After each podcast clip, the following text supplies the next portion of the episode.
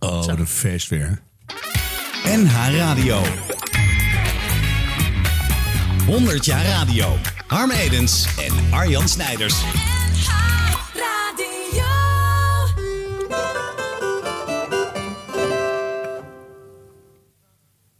Radio 4.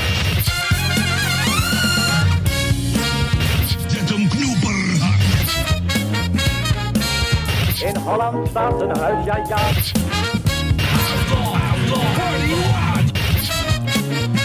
En in deze onverenigbare toestand Oh, wat een verrukkelijke plaats. En het gejuich is opgeklonken voor Jan Jansen. Juist. Joost mag het weten. Har, wat vond je dat een eh, mooi begin hè, met Henk Mouwen. Ja, en zo vrolijk meteen ook. Gelijk hè? Ik denk dat de blijdschap nog nooit zo hoog geweest is op Radio 4. Oh, Ach ja, zo, Ja. eh, zo, eh, zo klonk dat dan. Eh, dat was een zenderidentificatie van een klassiek station. Want dat hebben we nog niet gedaan.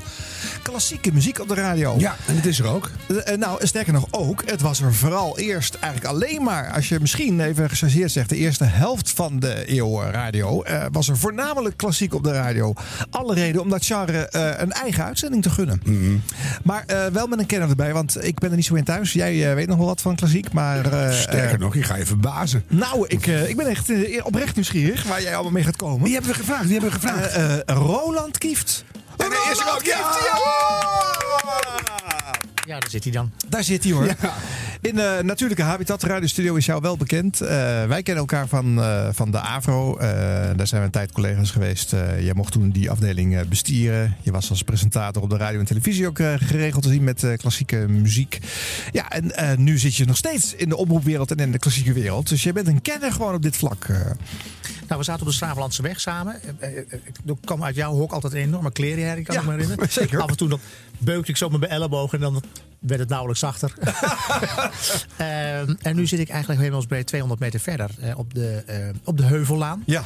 Beroemde eh radiolocatie eigenlijk. Ja. Ik ben directeur van eh, eh, wat heet de Stichting Omroepmuziek. Dat vind ik zelf altijd eigenlijk een beetje een stomme Ja, naam. Dat waar heet hebben ze dat toch veranderd? Ja, dat gaan we binnenkort ook wel weer terug Ja, veranderen. daarna terug, daarna terug. Heel goed. vroeger heette dat het muziekcentrum van de Omroep. Ja, zo kennen we het. En in dat huis, daar wonen het Radio Philharmonisch Orkest. Heel groot orkest, 110 man. Het groot omroepkoor, grootste gemeen professionele koor. Eh, een van de grootste in Europa eh, zelfs. En eh, we zijn ook eigenaar van dat fantastische pand, die voormalige VARA-studio. Geweldig gebouw. Een mooie rode dakje. Ja, geweldig gebouw. Ja. En de oudste radiostudio van Nederland. Zeker. Want in eh, 1932 werd daar geopend. Met eh, eh, dubbeltjes en kwartjes van VARA-leden. Ja. De allereerste voor dat doel ge- gebouwde radiostudio van Nederland. Ja.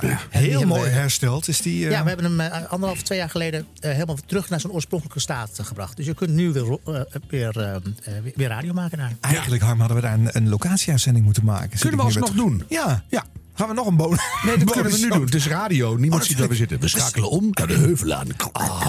Prachtig hier. Oh, mooi geworden, Mooi gemaakt. Jeetje. Nou, dat schitterend. kosten. Ja. Heb je weer eh, de varenleden uitgeknepen of ging het vanzelf Nou, de vader, heeft wel, eh, de vader gebruikt het nog steeds een heel klein beetje als clublokaal. Mhm. Ehm, eh, en de vader heeft bijgedragen, wel degelijk. Zie je?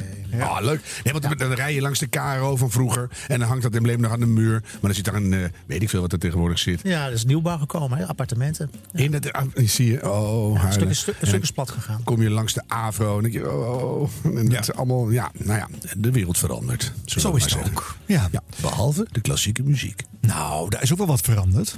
Toch? Ja, daar is. Echt wel. En ook toch op de, ook op de radio. Ja, ook op de radio. Komt allemaal langs.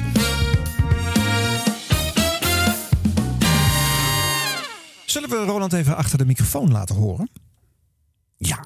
On air. Vers op 4. Uit 2004.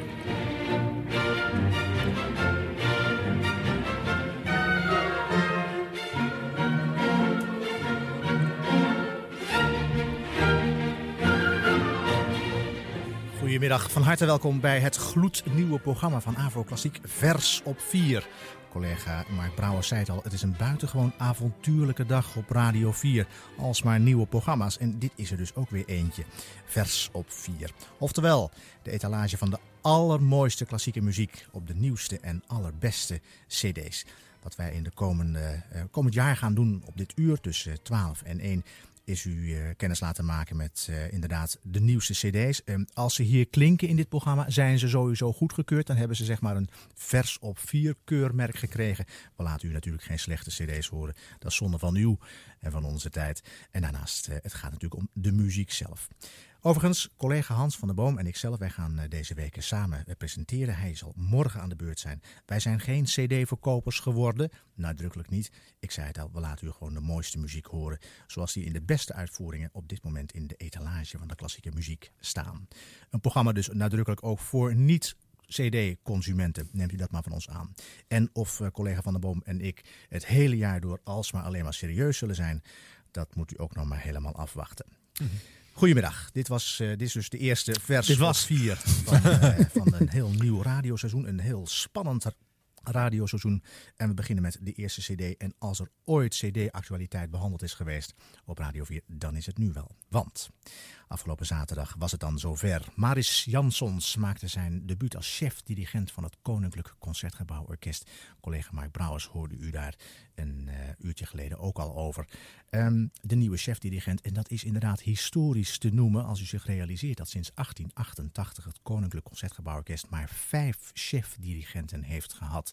Vijf chef-dirigenten in die 116 jaar. Alleen het Koninklijk Huis heeft een beter record. Alhoewel de familie Heineken het ook niet gek heeft gedaan in de afgelopen jaren. Een, eh, een, een bijzonderheid dus. Een nieuwe chef-dirigent, Maris Jansons. Wij waren erbij afgelopen zaterdagavond. En ik moet zeggen, het was werkelijk een heel bijzondere avond. Het eh, Koninklijk Concertgebouworkest speelde als, als een jeugdorkest. Met zo'n vurigheid en enthousiasme. Het belooft heel veel. Ook deze week kwam uit de allereerste cd van het Koninklijk Concertgebouworkest. Onder leiding van Maris Jansons. En dan door het orkest in eigen beheer uitgegeven. En daar starten we deze eh, aflevering van Vers op 4 mee. De muziek van Antonin Dvorak uit zijn geweldige negende symfonie. Het laatste deel, het Allegro con fuoco. Hier is het Koninklijk Concertgebouworkest onder leiding van Maris Jansons. Ja, en dan gaan we natuurlijk iets doen wat eh, op eh, Radio 4 eigenlijk nooit mag. Eh, namelijk de muziek inkorten, er doorheen praten en dat soort zaken. Wat is natuurlijk onvermijdelijk. Stil nou. Dat doen we normaal ook. Nee, kan niet, kan niet, kan niet. Kan niet. Wat, wat vind je ervan, Roland, als je het zo weer terug hoort? nee, het mocht even duren, zeg. Ja. En er kwam geen rente aan, Nou, eigenlijk. En je zei maar vier keer het Koninklijk Concertgebouworkest. Ja. Onder leiding Nou, van? Maris Jansons. Ja, die. Nou, Ja. kan ik je ook nog vertellen. Dit programma is volledig geflopt. Waarom? Wat kan er nou aan floppen? Nou ja, omdat uiteindelijk helemaal niemand dagelijks, vier da vijf dagen in de week, eh, het was het, was het lunchprogramma, Mhm. zat te wachten op een programma over nieuwe CD's en klassieke muziek. Want ja, weet je, of het nou die Beethoven Symfonie is uit 1982 of het is er eentje uit, eh, uit 2004. Wat kan mensen dat nou eigenlijk goed beschouwen? Het erge was, het echte erge was, er zat een ongelooflijk leuk programma voor. En dat heette Brood en Spelen. Ja. En dat was eigenlijk een, dat was een ongelooflijk raar programma met inbellen. Hè? Dus je, je, het was eigenlijk, dat heette noodschieten. Ja. Nou, dat was Rademaar van vroeger, van Kees Hilbroek. Ja. En, dus dat, en dat programma deed het fantastisch. Maar er was op dat moment een programmadirecteur die zei van... ja, weet je, dat programma doen we nu eigenlijk al een jaar of vier. Het wordt wel eens tijd voor het nieuws. Oh ja. En dat is op radio dodelijk. Ja.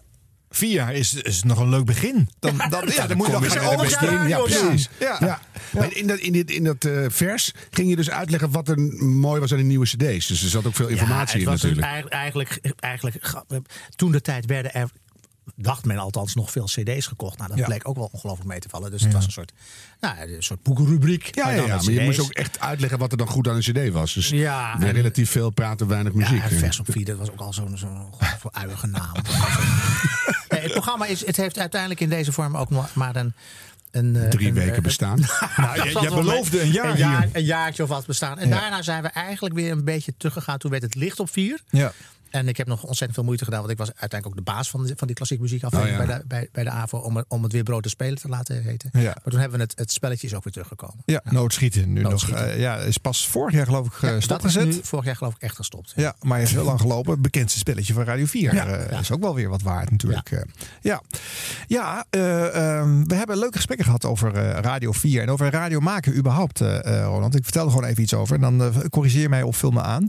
Eh, want het ging onder andere over over de vraag eh, of Radio 4 als informatieluik en als eh, willen delen van je kennis eh, eh, kon transformeren naar een zender waarop radio werd gemaakt. Primair radio. Dus communiceren en, en ook interactie en, en wat meer over vorm willen nadenken. Dat was een beetje de beweging waar het station toen in zat, hè, denk ik. Nou ja, ik, ik heb me toen ontzettend impopulair gemaakt door ook te roepen... wij hebben eigenlijk op Radio 4 ve- meer verstand van klassieke muziek dan van radio maken. Ja, ja.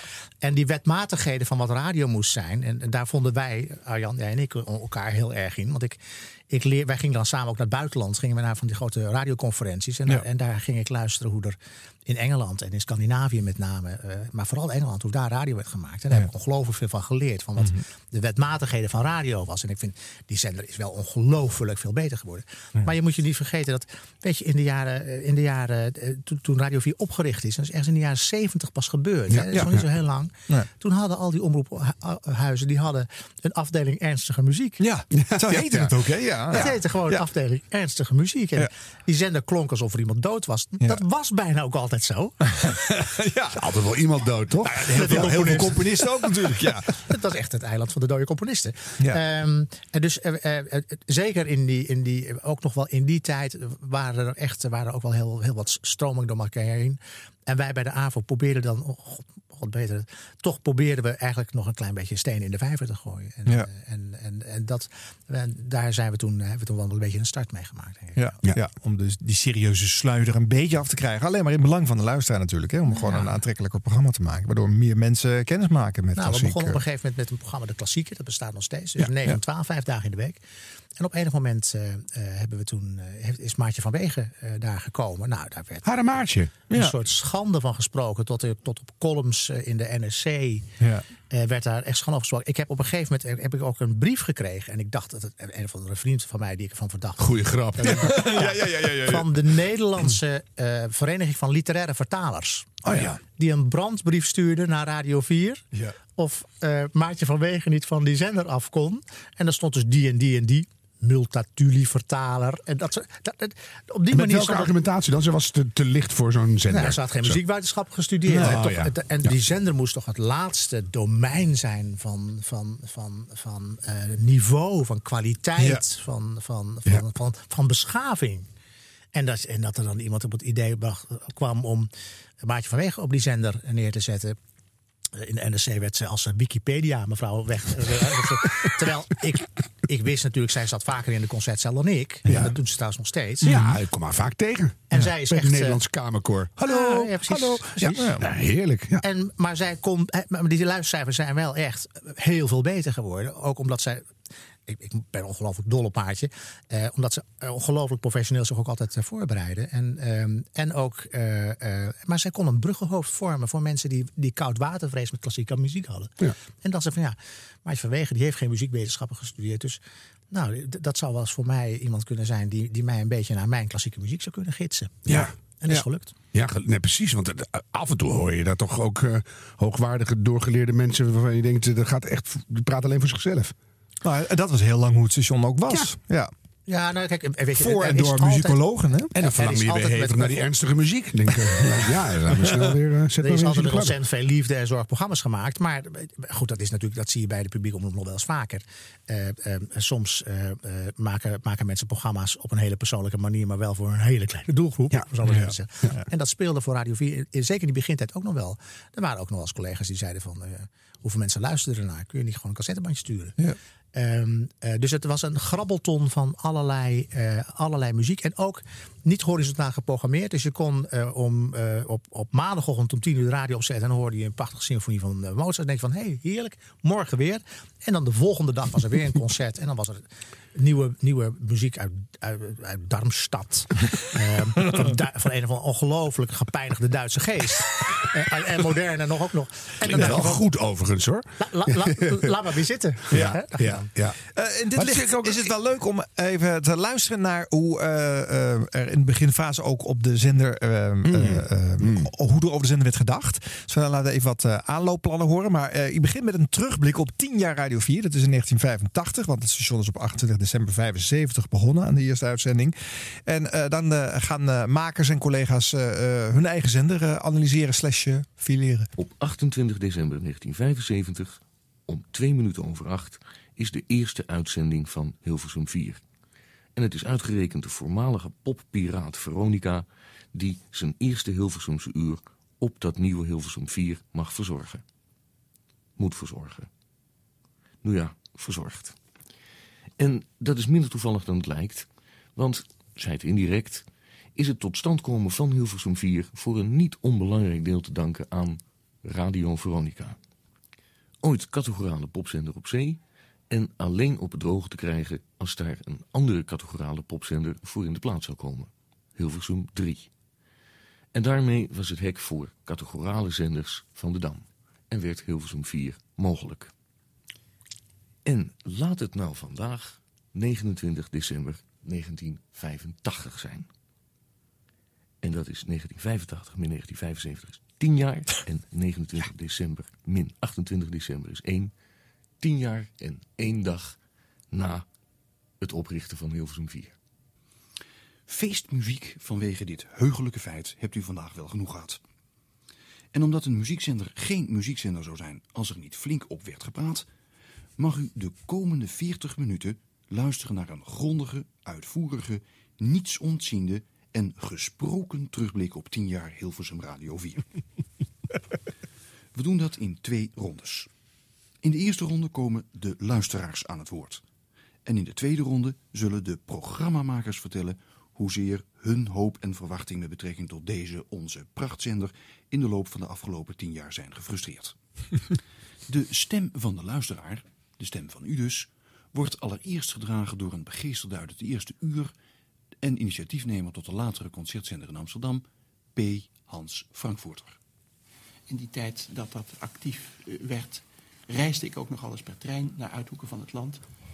En dat was voor mij een aangename reden om aan het begin van de rit aan de ene kant van die trein te beginnen met die handtekeningenlijsten. Vanuit Vlissingen bijvoorbeeld kon je er heel wat ophalen. En waar ik ook kwam, werd ik met geweldige juich begroet. En eh, later is mij eigenlijk gebleken dat het gewoon helemaal niet kon. Dat, dat het droombeeld wat we alle hadden van een muziekzender... en dan liefst één die 24 uur per dag en 7 dagen in de week beschikbaar zou zijn... wanneer je maar wilt die kraan opendraaien en daar komt die muziek uit... dat dat per definitie om allerlei redenen gewoon niet realiseerbaar is.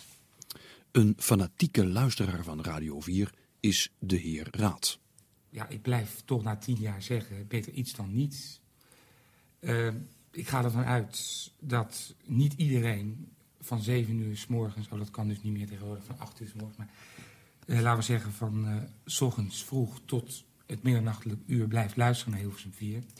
En wat de een dus mist op Hilversum 4 of te weinig vindt op Hilversum 4, is er voor de ander weer te veel. En daarom zeg ik, er bestaan altijd dingen als cassette recorders en uh, radiogidsen, tv-gidsen. En wie gewoon selectief kijkt, kan op Hilversum 4 best eruit pikken wat hij wil. En wat wil dan de ook al zeer trouwe luisteraar Hugo Reuling? Uh, nou, het is een beetje moeilijk om over het begin te praten. Ik heb eigenlijk pas een radio gekocht toen Hilversum 4 er was. dus... Uh, Met dat directe causale verband? Ja, dat causale verband van voor die tijd totaal... Ja, zo'n zo dingetje als een pakje sigaretten, zo'n zo radiootje, daar kun je wel eens naar het nieuws luisteren. Maar... Dus ik had totaal geen verwachtingen. En toen het aangekondigd werd, herinner ik me dat ik dacht van dat, dat gebeurt nooit. Dat, dat lukt niet. Ik heb vreselijk gelachen om de artikelen van Rudy Kousbroek waarmee het begon. Maar ik, het leek mij een uh, onhaalbare zaak. En daarom was ik dus buitengewoon blij dat het wel gebeurde. En ik ben sindsdien ook toch een, inderdaad een redelijk tevreden luisteraar. Ja. Tien jaar Radio 4, uh, deze terugblik. Uh, Jeetje. Fantastisch ja. dat, je, dat je dus kennelijk ergens pas in 1976 een radio hebt gekocht. Die dingen, ja. die waren wel wat langer op de markt. ja. En er was toch al met al, als je de gids inderdaad op de knietjes zou leggen, al wel wat klassieks bij elkaar te winkelen op die uh, zenders die al bestonden. Dus, uh... ja, maar het was natuurlijk een hele rare grabbelton, die zenders. Die waren, daar, daar kon je op, al, op elk moment allerlei andere dingen. Inderdaad fascinerend dat met de komst van Veronica natuurlijk die categorale zenders gingen ontstaan. Ja. Dat horizontale... Uh, uh, uh, die, die, zenders gingen ontstaan. Ja. Maar, maar dan nog was het, was het binnen Radio 4 was het ook nog steeds een grote bende. Ja. Uh, want je kon op elk, op elk moment allerlei andere dingen verwachten. Ja. ja. En dan van die typische luisteraars. Dat hoor je terug. Hans P. Frankfurt, dat is natuurlijk een Hilversums verschijnsel van heb ik jou daar. Die hebben we vaak in allerlei hoedanigheden door Hilversum zien struinen. En in treinen vanaf Vlissingen. Dus het is een hele bijzondere man. Maar die laatste was toch ook weer heel apart met zijn radiootje. Ja. Dus je denkt van, we hadden niet eh, Maartje van Wegen daar neer moeten zetten. Maar Goedele Liekens of zo. Weet je, want het is, je, is ook wel heel erg typisch publiek. Er zijn ook natuurlijk heel veel gewone luisteraars die het hartstikke fijn vonden dat er een klassieke zender kwam, toch? Ja, maar goed. Het, Denk het- ik. Toch, dit lijkt me nog, nog helemaal niet zo heel erg oud, om zo maar even te zeggen. Want ik heb dat wel gehad, mensen aan de telefoon, maar toch wel een beetje gepijnigd. Wat er dan nu toch weer op Radio 4 had geklonken. En eh, of die eh, man er niet af kon, en of er minder gepraat kon worden. En, en eh, op een gegeven moment kreeg ik een briefje van, van, van een luisteraar. en die zei van, ik erger me elke dag helemaal kapot aan Maatje van Wegen. En toen heb ik teruggeschreven. Nou, ik hoop dat er veel meer van u zijn. ja, dat wil ik wel. Ja. Al die mensen die zich elke dag. Ja, Ja, kapot dus het, het, het, Ja. nou, het is tot op zekere hoogte- het was, het was ook wel een beetje een intolerant volkje. Die Nou, elkaar dat bedoel dan ik ook vervolgens beetje. ook nog eens tegensprak. Ja. Ja. Ja. Dus het was best wel lastig om dat allemaal. eh, eh, om dat allemaal een beetje eh, eh, Nou ja, ze goed te woord te staan. Hij had ook een enorme mening erover. Hè? En die kan ook zeggen, het is een hele betrokken eh, luistergroep. Zo is het ook. Maar van de maakkant uit, want jij zei, we proberen nog een beetje de steen in de vijver te gooien daar bij die Avro. Maar het hele idee, je hebt een klassieke zender. En wat ik er dan los van alle formats die straks ongetwijfeld nog langskomen. Maar dat kan je niet de hele dag doen op zo'n muziekzender. Dus wat, wat moet je nog zeggen? We, we hebben natuurlijk Hans van de Tocht ooit gehad. Die zei, dit is het eh, vierde pianoconcert in de kleine tijd van Morris Ravel. Ja. Dus nou, dat was dan hilarisch. Max Brunch. nou, die wist ik voor, niet. de, voor de luisteraars, Max Broeg. Max Broeg. Brosch. maar de- de- je bent ook keer klaar. En ik merk dat ik me heel erg erger. Dan zit ik gewoon lekker te luisteren. En dan hoop ik dat ik van de makerskant iets hoor van... eh, dat is de opbouw van het programma. Ze gaan van zwaar naar licht. Of we hebben alleen maar hele zware, zielige muziek. Daar hou ik erg van. Dus hoe meer totenlieder, hoe, hoe wie besser. Ja. Maar, en, maar dan gaan ze de hele tijd bij zich in de uitvoering van eh, die en die, daar en dan toen zus en zo. En dat, ik onthoud de, de, de vorige plaat niet eens. Dus dat, je voelt meteen, het is voor een heel klein, eh, heel select luistergezelschapje. Of ze weten niet wat ze zeggen moeten. En Ja, ik gok altijd op dat laatste. Want wat is er over te zeggen? Behalve het is, het is 100 jaar geleden gemaakt. Doet er niet toe. Het is heel mooi. Daarom draai ik het. Ja. Nou, je, waar, dus- waar ik wel eh, enigszins keen op was, was kijk, sowieso eh, eh, de, de, de, de eerste jaren van klassieke muziek op, klassieke muziek op de radio was, u heeft geluisterd naar, en dan kwam de delen waren, ja, ja, of ja. u gaat luisteren naar de delen zijn. Ja. En dat was dus een soort, dat kwam echt uit de tijd van de afdeling ernstige muziek. Mhm. Eh, ehm, maar gaandeweg heb ik af en toe ook wel, wel toen was ik wat meer eindredacteur, dus toen, toen zat ik, had ik, eh, stuurde ik ook eh, presentatoren aan. En dan, dan was er ook bijvoorbeeld een, een programma en daarin werd dan een symfonie fantastiek van Berlioz gespeeld. Dat is een groot stuk van ongeveer 55 minuten. En dat werd Ja. dan ingestart om vijf over elf. En dan hoor ik de presentator zeggen, ik neem vast afscheid van u. Ja. ja, maar dat vind ik prima. Wat denk je nou? Dan weet je wat je krijgt. Ik, als... Kortom, eh, eh, na twee minuten die cd zit hij verder op de fiets, eh, zeg maar. Dus, daar, daar heb ik, maar ook, wat ook wel heel sterk speelde, in ieder geval zeker in die tijd... en er is echt ongelooflijk veel veranderd hoor, in de afgelopen jaar... is ook een beetje een soort excluderende manier van, van Ja. presenteren. Van, eh, nou, en toen eh, componeerde natuurlijk Igor Stravinsky zijn uh, Sacre du Printemps. Het verhaal is bekend. Ik het ja, ja, herhalen. ja, dat, ja, Hier dat komt hoor je-. Ja, Ja. dat is natuurlijk zo excluderend als de pest. Ja, maar elke keer weer tot in de, in de bizarre details vertellen wat je gaat krijgen. Hè, Welk strijkstokje nog wel of niet één lamme kattenhaar eraan laat zitten. Ja, daar daar kan je als luisteraar ook helemaal niks mee. Tenminste, ik niet.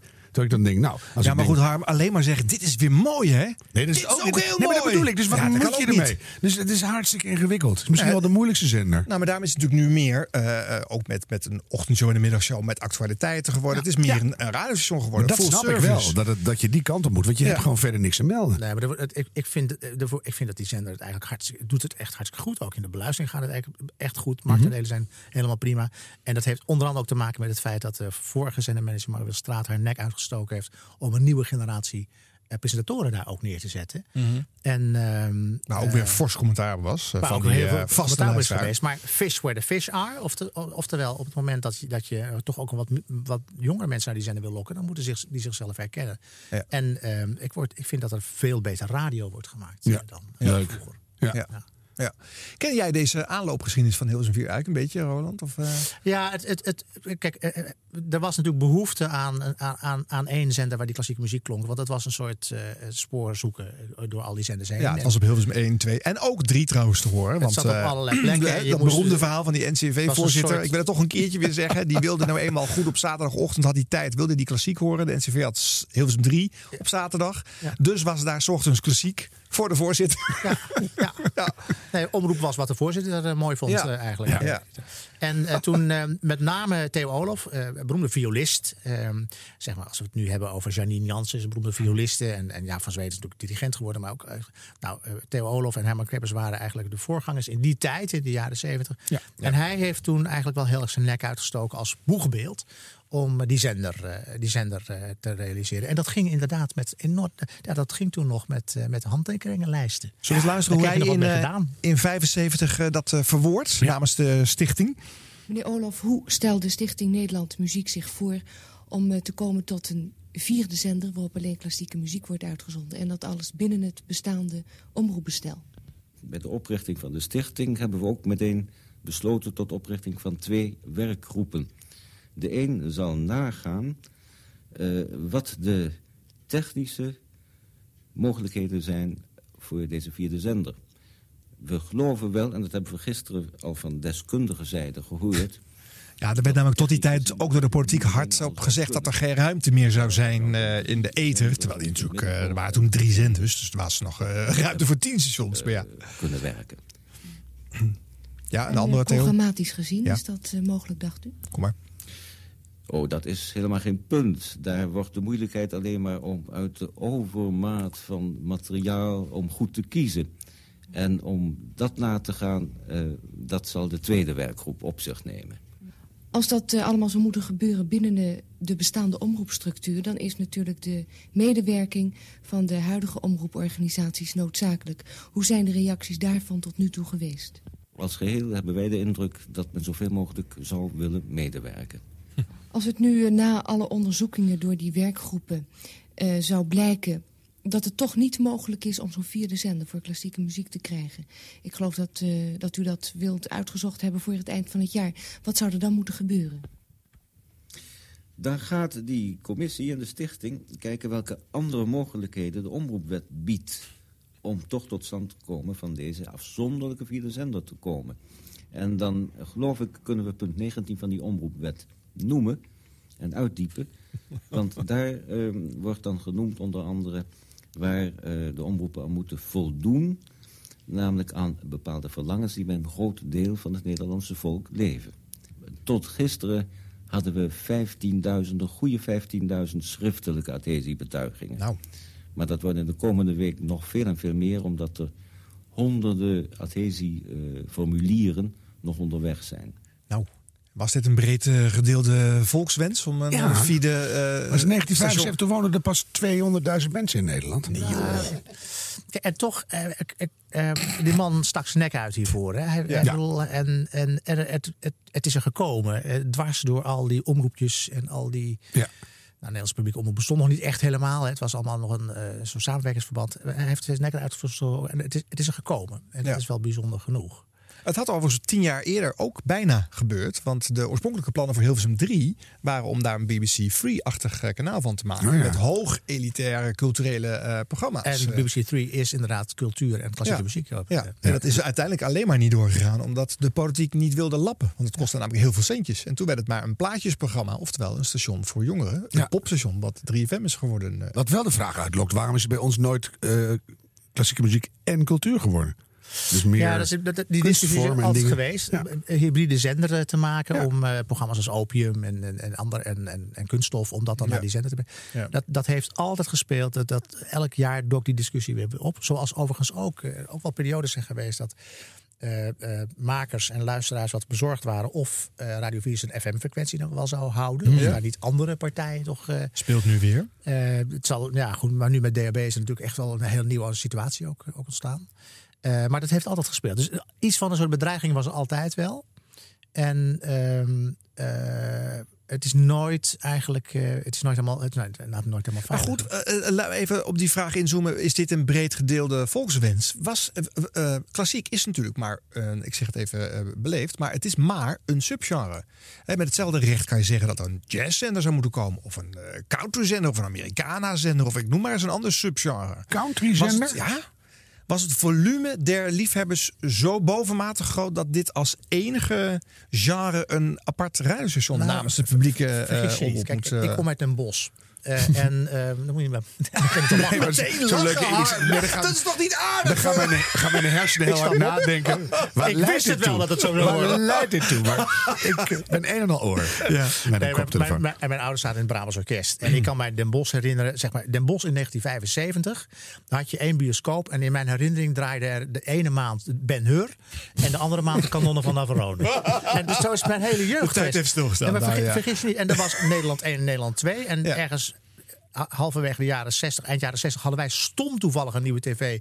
Waar je die VHF en die UHF-band op had. Zo heet Ja. dat geloof ik. Ja. Dus kinderuurtje, alle kindjes bij ons in staat, die kwamen bij ons op woensdagmiddag dat ene uurtje Ja. kindertelevisie kijken. Ja. Er was geen ene flikker te doen. En mensen waren wel echt hoog opgeleid. Betekende automatisch ook dat je van klassieke muziek eh, hield. Ja. En dat is natuurlijk allemaal met de democratisering van onderwijs en dat soort dingen. En überhaupt een enorme slag om, om, om de vrije tijdsbesteding, om zo te Mhm. zeggen, is Ja. dat allemaal enorm veranderd. Ja. Maar eh, k- klassieke muziek was toen veel meer nog dan andere genres. Een hele dominante eh, kunstvorm. Ja. En, en, en, en, en nogmaals, echt de jaren 60, jaren 70, mensen verveelden zich helemaal te pletter. En dus, dus het was op zichzelf niet helemaal onlogisch dat dat eh, daar toen eh, zo ontstond. Nee. Nee. 100 jaar radio. De radio geeft genot. 100 jaar radio.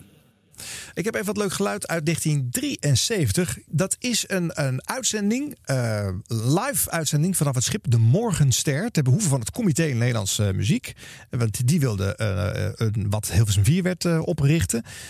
Theo Olloof eh, loopt daar dus ook weer rond. Maar je hoort ook chef van Oekel mee praten. Oh, dat is goed. En ja, dat is altijd leuk. En Radio Stereo Patat was het thema van, van deze dag. En je hoort eh, Jan Lenverink als eh, verslaggever. Zal ik het begin en eind even laten horen, dat je een ideetje krijgt? Dit is Hilversum 1, VPRO Maandag. En uw gast hier is nog niet Lenny Len, zoals alle andere maandagen, maar Veronica Tom Collins. De omgekeerde wereld dus. Veronica op het strand, Hilversum 1 op zee. Lenny dobbert met vele gasten op dit moment zo'n duizend meter uit de Scheveningse kust op de Noordzee op de Logger de Morgenster. Om van daaruit de eerste uitzending van de nog illegale zender Nederland Muziek aan u te presenteren. We zoeken nu contact met Lenny Len op de Logger de Morgenster. Het eerste klassieke piratenschip in de history of radio. Hallo Lenny, hoor je mij?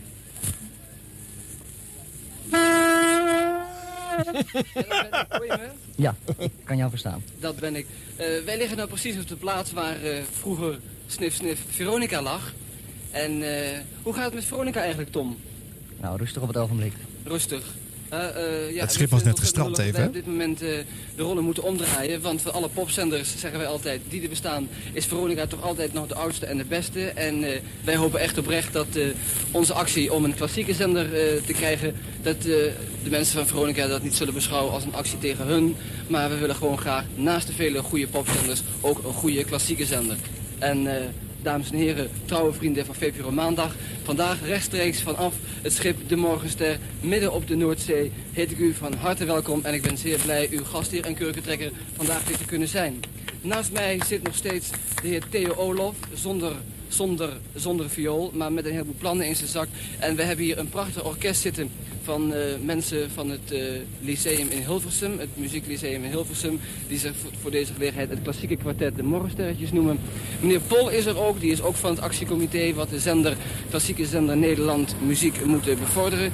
En eh, op dit moment komt er een vliegtuig over waarachter zich een grote slier bevindt waarop staat Nederland klassiek nummer 1. Dit is werkelijk een fantastische middag. We zitten hier midden op de zee en eh, het enige wat mij nu nog te doen staat is... voordat we straks verder gaan praten over hoe zo'n zender eruit moet gaan zien... en of er zo'n klassieke zender ooit kan komen... dat is midden op zee een gouden ouwe van Mozart aan te kondigen... de ouverture van de bruiloft van Figaro.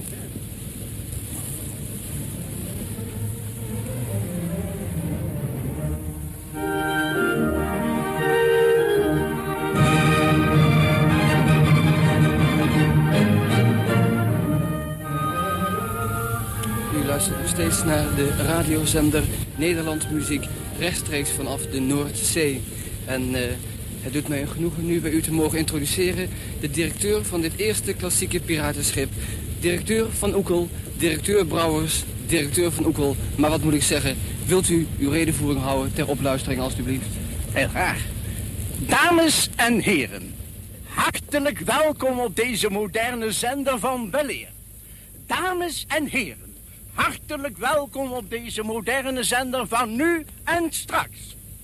Dames en heren, juist. Waar gaat het nu eigenlijk om? Kan die? Ja? Zullen we dan maar beginnen? Oh, pardon reeds.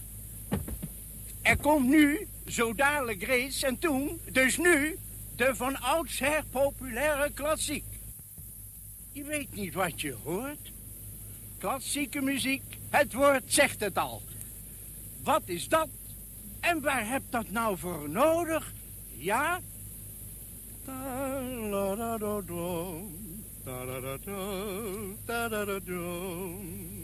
Prachtig gewoon, hè? Ja, dat was een voorbeeld van je reinste klassieke muziek. Waar dit komende programma, dat dus eigenlijk reeds nu een aanvang nam... of meer aanvang genomen hebbende... vandaar mij reeds hier nu pratende op uw toestel. Dat wil zeggen, waar gaat het nu eigenlijk om? Wie is daarmee begonnen? Was het Bach? Beethoven? Bruckner? Brahms? Bartok? Barrio? Balder of Bisvet? God mag het weten. Wat heb ik toch een afgrijnselijk leven. Oh, pardon reeds. Dank u. We gaan nu luisteren naar een serie muziekwerken waar de honden geen brood van lusten. Dat was natuurlijk maar even zo'n grapje. Want ik weet even goed als u dat men van muziek geen kan bakken. Maar dit even terzijde.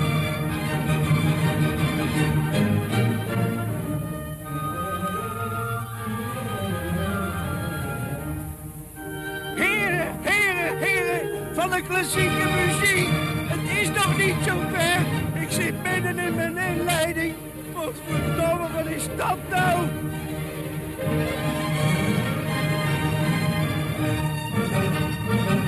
Waar gaat het nu eigenlijk om? Wat is klassieke muziek? Hoe herkennen wij klassieke muziek? En waarom reeds? Waarom willen de... Waarom deze vreemde muziek? Ach, pardon reeds. Ik wist niet dat het al begonnen was.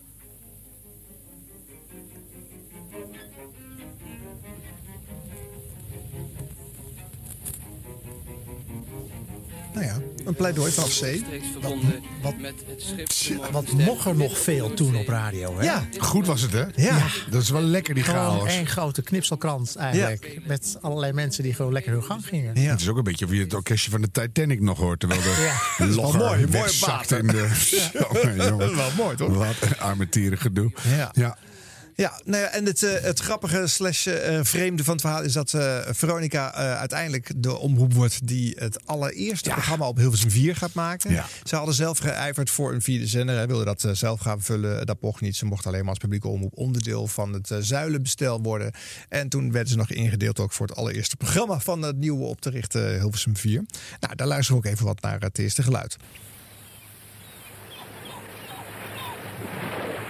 Natuurlijk begint dat met golven. Ja, voor het eerst eh, na 16 maanden weer terug mag komen.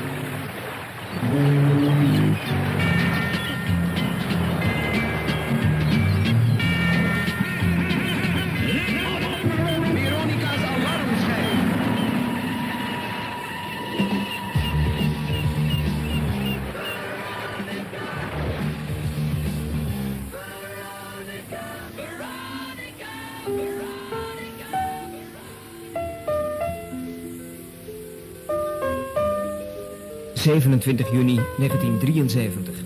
De Veronica-debatten in de Tweede Kamer. Aan het woord de minister van CRM, Van Doren.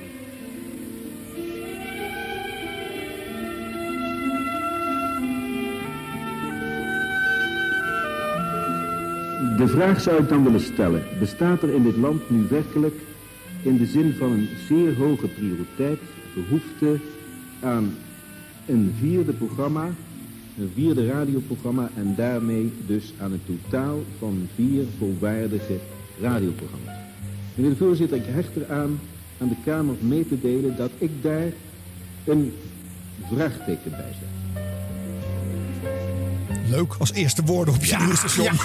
Zo. Maar wat neem je jezelf ook serieus dan weer? in. Begin dan gewoon. Ja, jongen, jongen. Ja. eh, niet in zou Oh, dat is wel een beetje drammetjes om hoor. nu een breed vierde programma te maken, zo het al technisch te realiseren zou zijn.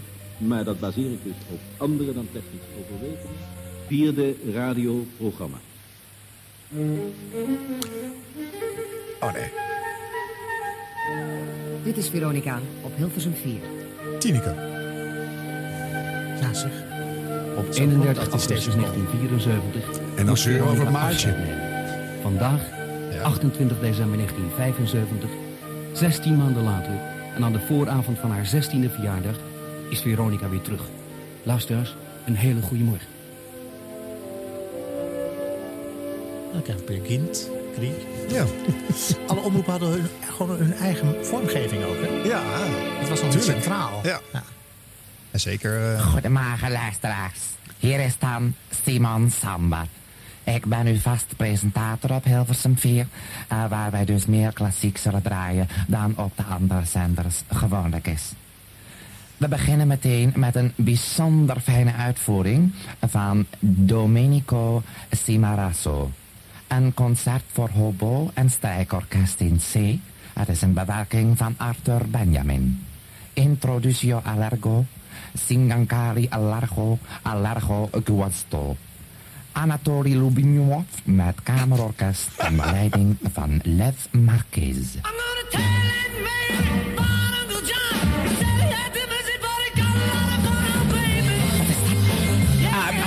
Wat belachelijk. Hallo, wilt u onmiddellijk die plaat afzetten? Wat krijgen we nou, zeg? Wat is dat voor een troep? Ineens op Hilversum 4, ha? En is dat gekreisd en zo? Wat? Heb ik, wat nou verkeerde hoesje? Heb ik niks mee te maken, verkeerde hoesje? Dan moet je van tevoren uitzoeken dat je het goede normale hoesje opzet. Toch een belachelijke zaak op Hilversum 4, dat gekreis van die ba- ba- ba- ba- battles.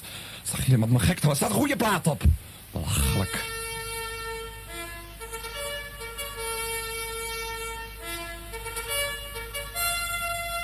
Juist, dat is beter. Juist. Ja, André van Duin als eh, Simon Somber. Eh, zo heette dit gelegenheidskaraktertje. Geeft eigenlijk gelijk al een flinke hak aan, eh, aan, aan dat station. Hè? En die vat de eerste tien jaar goed samen met terugwerkende kracht. Ja. Dus eh, vooruitwerkende kracht, ja. Jongen, jongen. Wist jij dat het zo eh, begonnen nee, was ook? nee, eh? dat heb ik absoluut, absoluut niet meegekregen. Nee. Nee. zat er echt zin in, dat is wel duidelijk. Ja. ik, heb als, ik, heb, ik heb als jonge dirigent, want ik heb ook heel lang gedirigeerd, heb ik wel voor Veronica concerten gedirigeerd in Tivoli, Oh. Vredenburg. En Ja. Programmamaker was Hans Mond en presentator was. Peter Bree. Dat waren de vaste mensen bij Veronica. En die waren overigens, dat waren overigens heel kundige mensen. Die wisten echt wel waar ze mee bezig Nee, ze waren. hebben het uiteindelijk natuurlijk wel omarmd. Maar ze zijn hier ook gewoon nog boos dat ze. eh Nou, dan mogen ze eigenlijk beginnen. Dan Niet een ze beetje, op, op een kanaal wat zij zelf met popmuziek wilden vullen, moeten zij klassiek gaan doen. Ja. Eh, en ze hadden één uurtje op Hilversum 1 en één uurtje op Hilversum 3 en één uurtje op Hilversum 4. En dat was het. Ik denk dat na dit eerste moment ook Hans P. Frankfurter meteen is gaan enquêteren. Ja. Want die denkt van dit komt niet goed. Dus die is onmiddellijk de Ja, trein binnen ingestapt. één uur al, ja. Dit is wel echt wel heel kinderachtig. Hè? Ja. Dan moet je beginnen en dan begin je zo. Ja, maar goed, ik begrijp Oh, vanuit hun. begrijp het wel, maar het is zo kinderachtig. Ja. En had je als publiek omroep ook niet eh, deze club moeten laten starten als je een zender wil aftrappen. Dat is ook zo. leuke Dat is ook zo. Ja. Maar Ja. Hier, hier hoor je ook weer, dat hoorde je bij de VPRO ook en je hoort het bij Veronica. Ze gingen in hele hoge mate gewoon volledig hun eigen gang. Ja, Die zich helemaal niet gelegen, gelegen liggen aan zendermanagers of wat dan ook, protocollen. Nee. die- die zijn hier nog niet eens, hè, zendermanagers. Die gaan spelen nog geen rol. Ja, die die luisteren, waarschijnlijk luisteren die niet eens, of eh, wat dan ook. Nee. We hebben nog wat eh, studio-chats tijdens die opening van eh, alle Veronica-mensen uit beeldmateriaal gevist. Die staan als bonusmateriaal aan het eind van deze podcast. Het is wel vrij uniek, zeker ook voor Veronica-fans. en ik vind het nog wel heel leuk om twee beroemde jingles van Veronica te laten horen, maar dan in de Hilversum 4-versie Ja. zoals ze hem gemaakt hebben. Eerst origineel.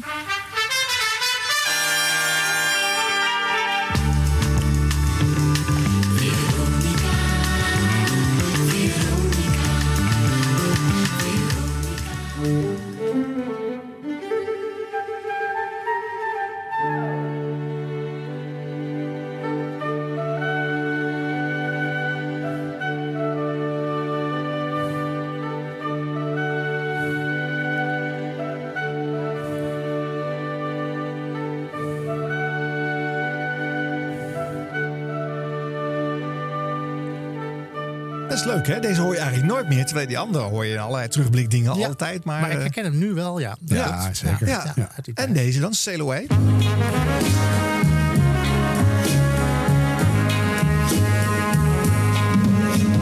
Sail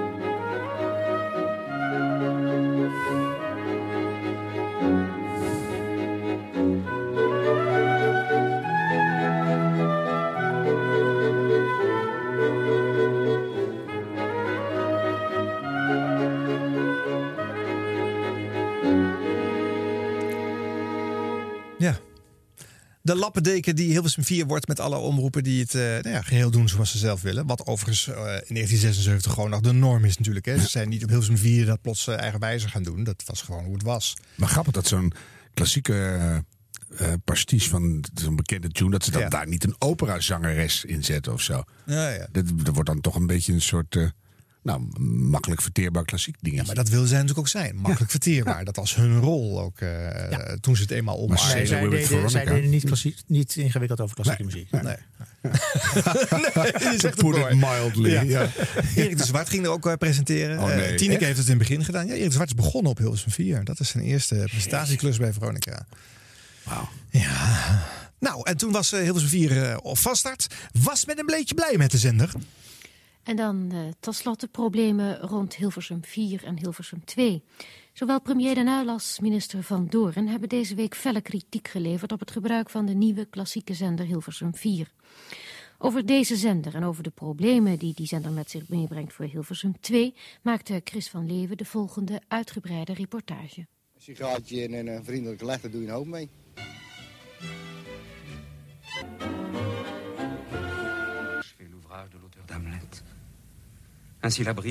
Sinds 1 januari zijn er vier zenders in Nederland. En er zijn nogal wat klachten. Niet alleen is het voor veel mensen moeilijk om die zenders te vinden, voornamelijk voor de ouderen. In grote delen van het land is het zelfs eh, onmogelijk om Hilversum 2 te ontvangen. Hilversum 4, de klassieke zender, ontlokte nogal wat eh, protest. Vooral vanwege het toch nog vele gesproken woord. En eh, Theo Olof, een van de initiatiefnemers tot Hilversum 4, is dan ook helemaal nog niet tevreden. Er zijn nog erg veel wensen en er zijn ook erg veel klachten. Van mij persoonlijk, eh, maar ik merk dat, ik geloof wel duizenden mensen dezelfde klachten hebben. Die slaan op twee punten. Het eerste is dat in die uitzendingen van 7 uur tot 5 uur 's middags twee uur gesproken woord moet zijn, blijkbaar. En dat vele omroepverenigingen dat gesproken woord voornamelijk gebruiken voor onderwerpen die totaal niets met muziek of zelfs niets met kunst te maken hebben. Daar stoort men zich aan, daar ergert men zich aan. En daar sta ik helemaal achter aan die klacht. Het tweede punt, de tweede klacht, is dat die zender om vijf uur ophoudt. Juist op het moment dat veel mensen van hun werk thuiskomen... en dan graag eh, naar muziek zouden luisteren op het moment ja, wat hun uitkomt. En dan is het er niet meer. En eh, wat zegt u nu als eh, muziekman zelf over de muziek die nu naar de mensen toe wordt gestuurd? Naar, eh, iets over het programmapakket dus. Voor zo- Los van het gesproken woord. Ja, voor zover ik het dus zelf heb kunnen volgen... heb ik het idee dat er nog te veel, laten we zeggen, op het oude leest wordt doorgegaan. Verzoekprogramma's, populaire programma's en veel muziek die niet compleet wordt uitgezonden. Hè, dus delen uitwerken.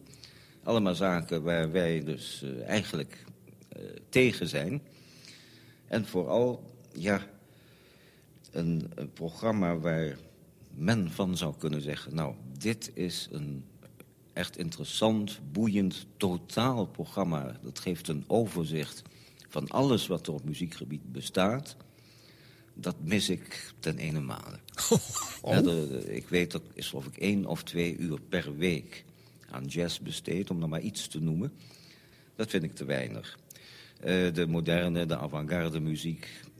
Het is bij iedereen bekend dat daar natuurlijk maar een klein eh, gedeelte van de bevolking belangstelling voor heeft. Maar ook daar zou wel iets meer aan gedaan kunnen worden. Ja, meer jazz en avant-garde. Maar nou ja, goed, dit is een van de initiatiefnemers natuurlijk, die dit heeft losgeketend. Die is al niet gelukkig met wat het wordt. Ik geloof dat er heel veel andere populair, of in elk geval meer geliefde soorten muziek ook niet genoeg aan bod komen. Al deze, ja, deze bezwaren die zijn natuurlijk terug te voeren tot ons hele eh, ja, omroepwezen, wat uniek op de wereld is. Maar had u enige hoop inderdaad dat het eh, compleet voor 100% zou lukken dan? Nou, je hebt natuurlijk altijd hoop dat het zelfs voor 120% zal lukken.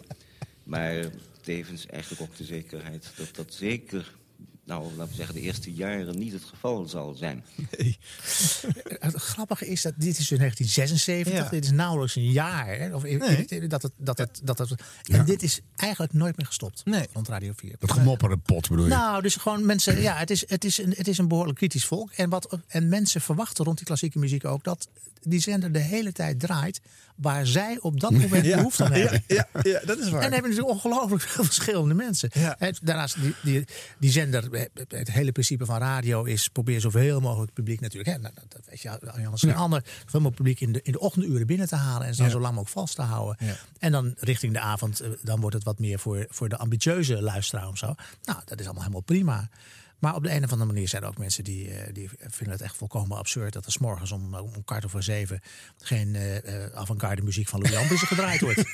ja. want het, dat zou. Dus Is ook wel lekker bij, om wakker te worden hoor. Ja. Beetje meneer Andriessen. Dus, eh, ja. Dus dat is eigenlijk nooit meer gestopt. Dat is wel heel geestig. Hoe ging je dat daar Ja, dan? Want je bent daar Ja. heel lang werkzaam geweest. Ja. Weet je ook niet, het is gewoon spuugzaggerijnig van je eigen Nee, publiek. op een gegeven moment, kijk, eh, eh, eh, mensen, ik kreeg heel veel. Kijk, op, op het moment dat, dat ik dan brieven kreeg, of als presentator of later als Mhm. eindredacteur, en die werden ondertekend met ingenieur, dokter, meester, of wat dan ook, dan wist ik meestal wel wat voor ik ongeveer Ja. in die ja, brief natuurlijk, je kan wel plaatsen, maar je werkt er Ja. wel. Je stopt je energie erin, je stopt een stuk van je leven erin. Op een gegeven moment dan wil je toch met een, met een voorhamer door de kleine zaal van het concert, Koninklijk Concertgebouw gaan lopen. Nou, weet je, kijk, wat mij altijd opviel in die tijd ook wel, is dat eh, mensen beschouwen klassieke muziek ook al een beetje als een soort stiltecentrum. En zeg maar, eh, kijk, een soort onbezoedeld iets, iets puurs, iets oprechts in deze wereld die eigenlijk helemaal naar de Filistijnen aan het gaan is met, die, met, met, met wat, er, wat er allemaal niet aan, aan, aan schunnigheid en aan seksuele... En dus die mensen duwden eigenlijk dat kleine stilte, stiltecentrum van die klassieke muziek steeds meer dat bos in zodat zo min mogelijk mensen ervan zouden weten. dat, dat is eigenlijk wat er, wat er, telkens, wat er Ja. telkens gebeurde Ja, eh, ja. eh, met die zender. Maar het is nog geen antwoord op mijn vraag. En dan, want dan werk je daar als presentator. Je doet je best voor je programma. Je bent hoorbaar en zeg maar zichtbaar voor wat je zit te doen. Later ben je verantwoordelijk voor zo'n heel stuk van die zender. Ja. En, je, en je bent dirigent en je houdt van muziek. Je bent eigenlijk nog veel meer met die muziek bezig op jouw manier dan al die malle luisteraars. de- Dan de meeste. En dan krijg je de hele tijd kritiek. Ja, Er kwamen er ook mooie reacties. Dankjewel Roland, voor al die prachtige dingen. Nou, er was, nee, ik, ik kan me eentje herinneren. Dat, en dat raakte mij dan weer wel. Iemand, eh, ehm, eh, ik deed lange tijd ook het lunchprogramma. eh, en, ehm, en dat vond ik eigenlijk het leukste programma om te doen. En uiteindelijk ging het dan, ja, dat met een speellijst ging die studio in. En ik, ik, ik, vertelde maar wat, eh, over- wat- wat- wat- wat jou bezig hield. Ja, Ja, maar dat is heel- van, ja, van ja. een man die, die, die in praktijk als psychotherapeut. En die zei van, eh, eh, ik merk dat ik eigenlijk elke, elke dag altijd weer wat vrolijker eh na dat programma ben.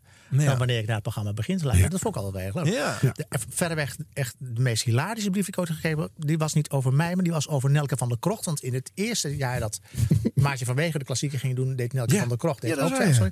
En op een gegeven moment. Eh, toen eh, zei ze. Nou, ze zei, ze zei in- die uitzending zei ze van: Het is bijna lunchtijd. Dus als u eh, nu een kopje soep neemt, dan krijgt u de muziek wat doorzak bij. En, ehm, en, en vervolgens kreeg ik een brief van iemand die zei van ehm, eh, dat haar man had inderdaad ook ehm, van haar soep genomen en is daar toen aan overleden. en dat is weer zo'n moment dat ik dacht van... dit is weer een of andere vriend die probeert mij onderuit Ja. Mary Hartman. Maar inderdaad ook. Nou, en soms, soms was er dan zo'n brief Oh, bij van zo'n, van zo'n dokter, ingenieur, meester. Een soort Joris Drie-titel, zeg maar. Ja, Eh, ja. En, eh, en dan, dan, dan vond ik het wel weer leuk om te denken, nou, deze meneer ga ik even antwoorden. En dan neem ik, Ja. trek ik gewoon eens een lekker anderhalf uur vooruit. Ja. Nee, maar ik moest altijd denken. Ik heb één keer op Radio 4 eh Goedemorgen met gedaan. Ja. Met hoe heet dat, die enorme chique naam van de Avro.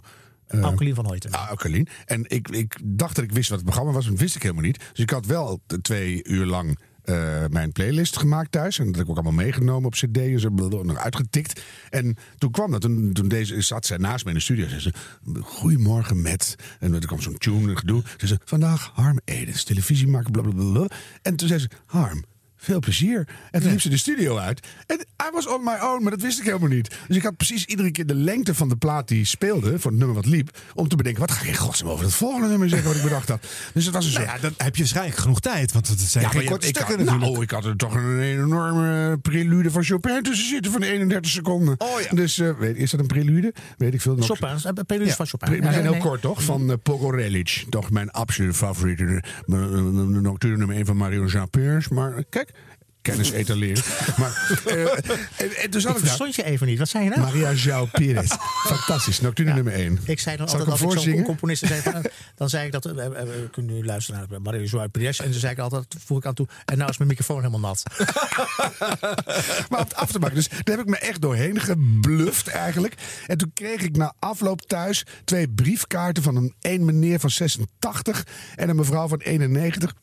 Die alles op, op dat kleine briefkaartje hadden gepend. En misschien wel één brief. Van, en toen kwam er dat. En toen kwam er dat. En oh, en dat. Het was één feest voor hun. En toen miste ik alleen nog Schubert. En wat kwam er? Schubert. En dat, en dat vond ik gewoon heel leuk. Van iemand van 91 die een briefje stuurt. En toen kreeg ik thuis van andere harm. Ontzettend op mijn sodomieter. Zo van, zie je wat er nou zo onuitstaanbaar aan jouw werk is? Dan doe je één keer Radio 4. En je wist niet eens hoe het programma ging. En je bluff jezelf doorheen. En dan krijg je nog complimenten en applaus. Weet je, en dan, da- en dat, da- ik vond het ontzettend leuk dat die oude mensen. Misschien wel juist omdat jij ook niet zo eh etaleerderig daar maar zat. Maar weet ik niet. improviserend. Ja, maar bedoel, ik denk dan van, je, je moet toch ook heel veel mooie reacties krijgen op wat je dan maakt.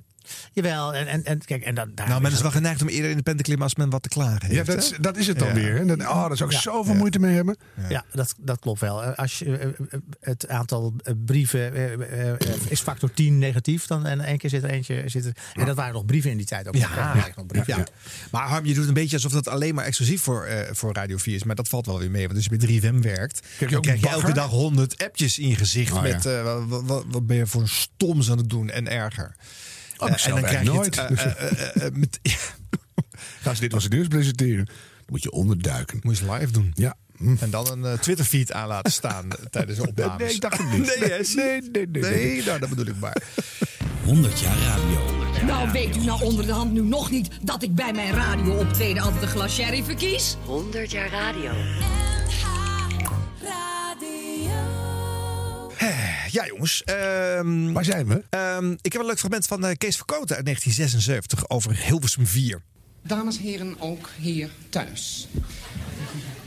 Dolorosa klagen via via het Simplistisch Verbond. Eh, landelijke klachten. eh, dat het natuurlijk niet coïncideert dat uitgerekend hier in het Van Gogh Museum... maar met één commercieel oor naar vandaag wordt geluisterd.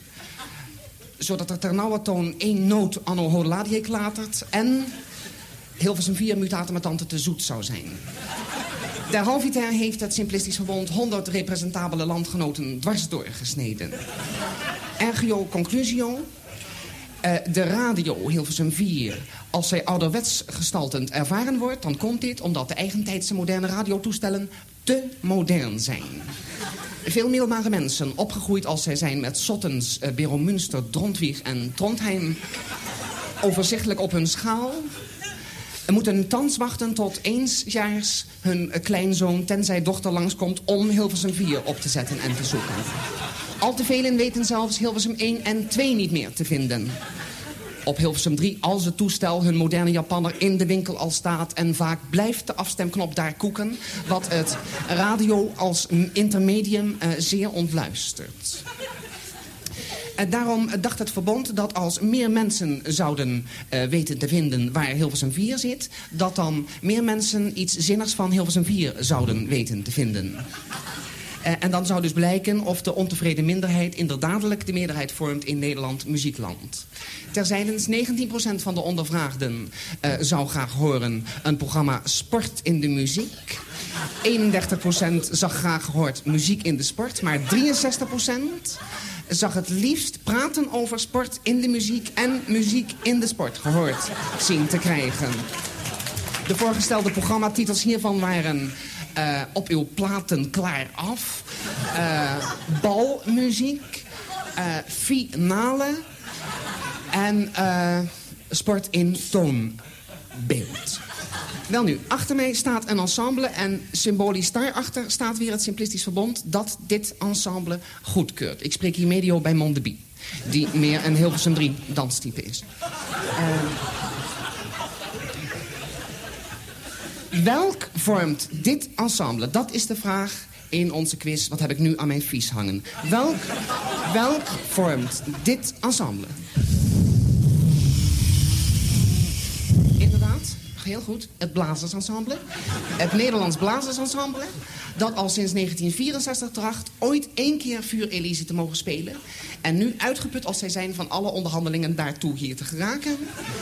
kan niemand het ensemble kwalijk nemen dat zij vanmorgen hier eens heerlijk uitblazen. Maar voor alle luisteraars die Hilversum 4 nog nooit hebben weten te vinden... willen zij een charmant en hulpvaardig oppassen geblazen doen. Pakt u thuis allemaal even een viltstift om straks een streepje te zetten op die onbegrijpelijke schaal van uw ondraaglijke radio bij Hilversum 4. Dan geven wij intussen de uitslag van de vorige. Wat heb ik nu aan mijn vies hangen? De vraag luidde, hoe oud was Mozart? Hoe oud was Mozart? Daar zijn de vreemdste antwoorden op binnengekomen. Er is maar één antwoord goed en dat is twee. Mozart was twee. Dan wil ik graag nog even doorspelen het verzoek van de stichting Electron om oude synthesizers. Heeft u ergens op zolder nog oude synthesizers liggen? Ach, strijkt u er even mee onder uw hart. Fijn. Wel, als u nu thuis allemaal de volumeknop van uw radio geheel optimaalt... en de afstemknop eh, van links naar rechts en mutatenmetante van rechts naar links vice verseert. Totdat u op een door het blazersensemble gegeven moment de muziektoon A tegenkomt. U weet dat die het is als uw koffiekopjes 360 trillingen per seconde op de schoteltjes gaan maken. En zet u daar dan even eh, een streepje bij. Dan heeft u Hilversum 4. Mag ik het ensemble zo vriendelijk zijn?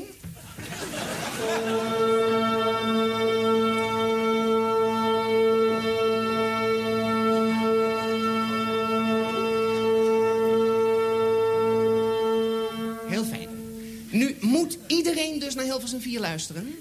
En daarom eh, willen wij van het verbond het babbeltje achteraf met het ensemble eh, zo populair mogelijk houden. We duiken even 1977 in. De zender is dan twee jaar op stoom. Eh, zomaar een willekeurige dag. En dan begint de uitzenddag met twee informatieve programma's.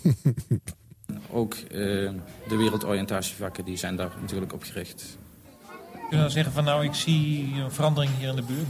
Nou, eh, om naar veranderingen te zien is voor mij erg moeilijk omdat ik niet zo lang hier sta. Maar ik merk wel dat de kinderen ontzettend fijn vinden om naar school toe te komen. En dat vind ik op de eerste plaats eh, het belangrijkste. Want dat geeft motivatie om wat te kunnen gaan doen. En bovendien vind ik, eh, denk dat twee jaar nog te kort zal zijn om te zeggen van, eh, dat het een goede uitwerking heeft. Of tenminste voldoende uitwerking. Om daar nu iets over te kunnen zeggen. Ja, die kinderen vinden het fijn om naar school te gaan. Is dat omdat ze hier een, toch een geborgenheid hebben? Eh, dat niet alleen, die geborgenheid. Maar ik geloof ook dat wij eh, de leerstof zoveel mogelijk richten naar de kinderen.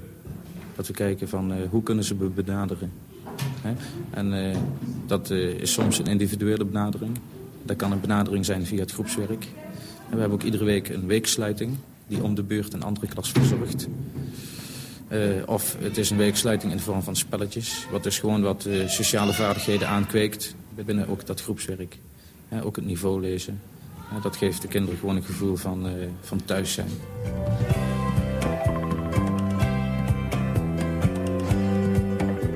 Dit was Kinderen een kwartje voor vandaag. Wilt u meer weten of reageren op de uitzending? Schrijf gerust een briefkaart aan Kinderen een kwartje, postbus 175 in Hilversum. Aan dit programma werkten mee Kees Bredijk, Rick Groenewegen en Bob Loeven. Techniek in handen van Wim de Kok en Karel Martel. Aanstaande zaterdag zijn we er weer op Hilversum 1 na het nieuws van half 4. Tot dan.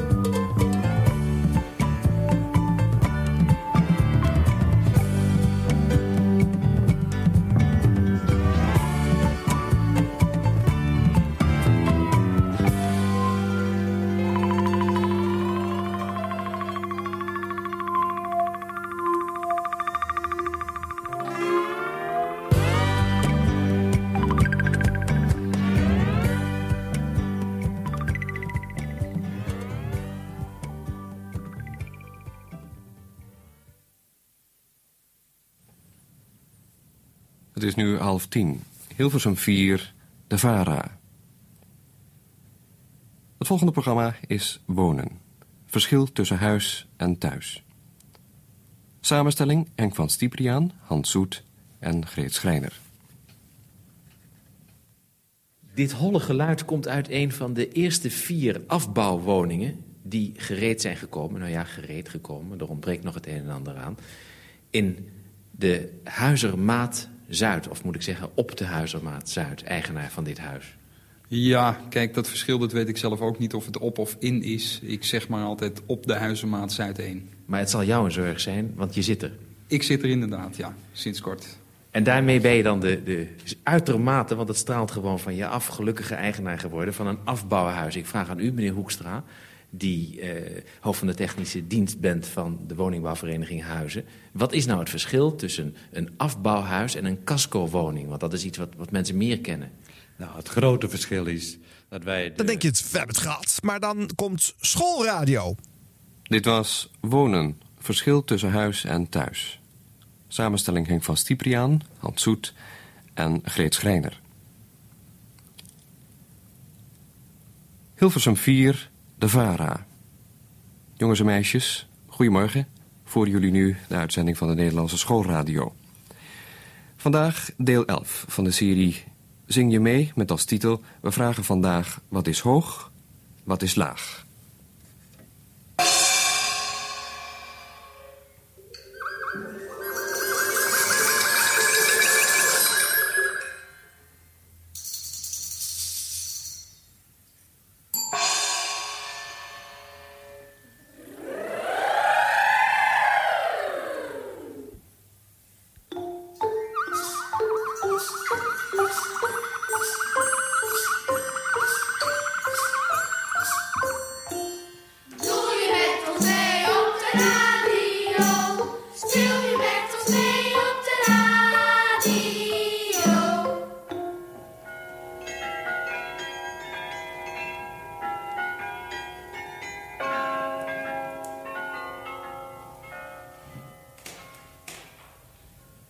Kan mij vertellen welk instrument hij hoorde? Een, spreek eens duidelijk. Een carillon, hè? Ja. Zeg, we gaan nog eens even naar dat carillon luisteren. En dan kijk maar eens mooi naar het plaatje. Wat je daar ziet op je blad.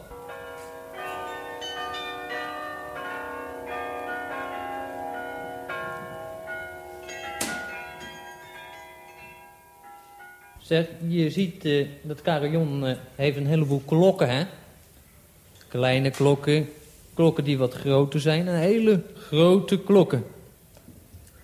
Nou krijg je weer eens of kleine en dan de grote klokken te horen. Of eerst de grote en dan de kleine klokken. Nou moet je eens proberen even goed te luisteren.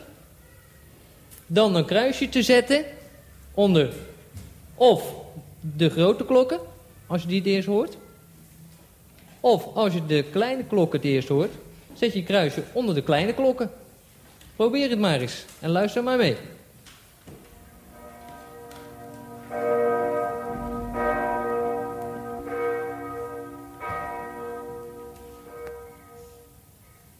Zo, nou, je hebt dus eh één van de twee gehoord. Of de grote klokken of de kleine klokken. Welke klokken hoorde je nou? Leo? De grote klokken. Zeg, Leo, de grote klokken. Wat geven die nou voor tonen? Hoge of lage tonen? Lage tonen. Nou, je ziet op je blad staan grote klokken geven hm, tonen. Dan mag je dus invullen. Grote klokken geven lage tonen. Vul maar in. Mooi, netjes gedaan. Dan kan je natuurlijk ook invullen. De kleine klokken geven hm, tonen. Nou, dan weet je ook wel. Misschien dat we ondertussen gelijk even kunnen luisteren naar die klokken. Dan kunnen jullie invullen.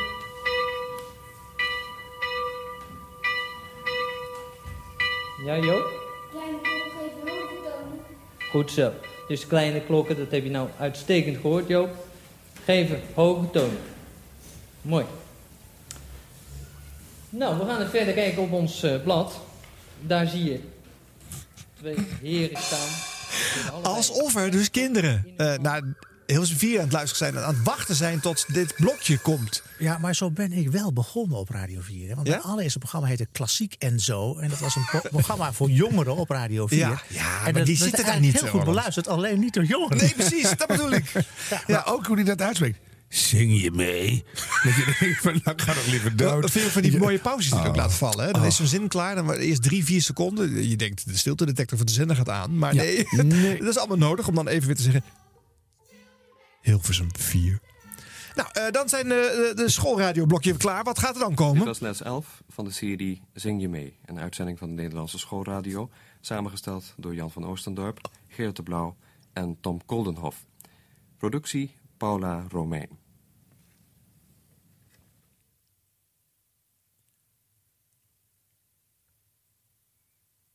Gebeurt er nog wat? Denk het niet. Het is allemaal eh, live dit.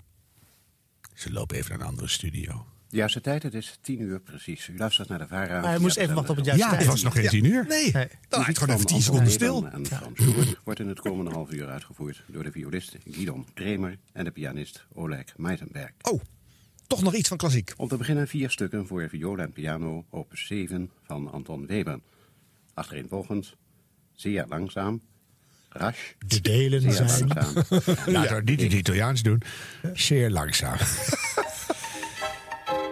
En dan, hier was dus één minuut voor eh, die schoolradio aan de gang, hè? Voor, Ja. voor jonge luisteraars. Ja. Eh, dit, dit soort contrasten heeft die zender natuurlijk heel lang getekend. Tot diep in de jaren negentig, denk ik eigenlijk wel. Ja, eh. ja, ja, ja, ja. Ja, je, je, we lachen er nu om, maar het is toch eigenlijk ook volstrekt krankzinnig. Ja. Maar goed, dit was op Hilversum 3 in die zin natuurlijk niet zo heel anders. Ook daar kon je van de muzikale fruitmand in een avantgardistisch VPRO-programma eh, landen. En dat zat ook allemaal naast en achter elkaar. eh.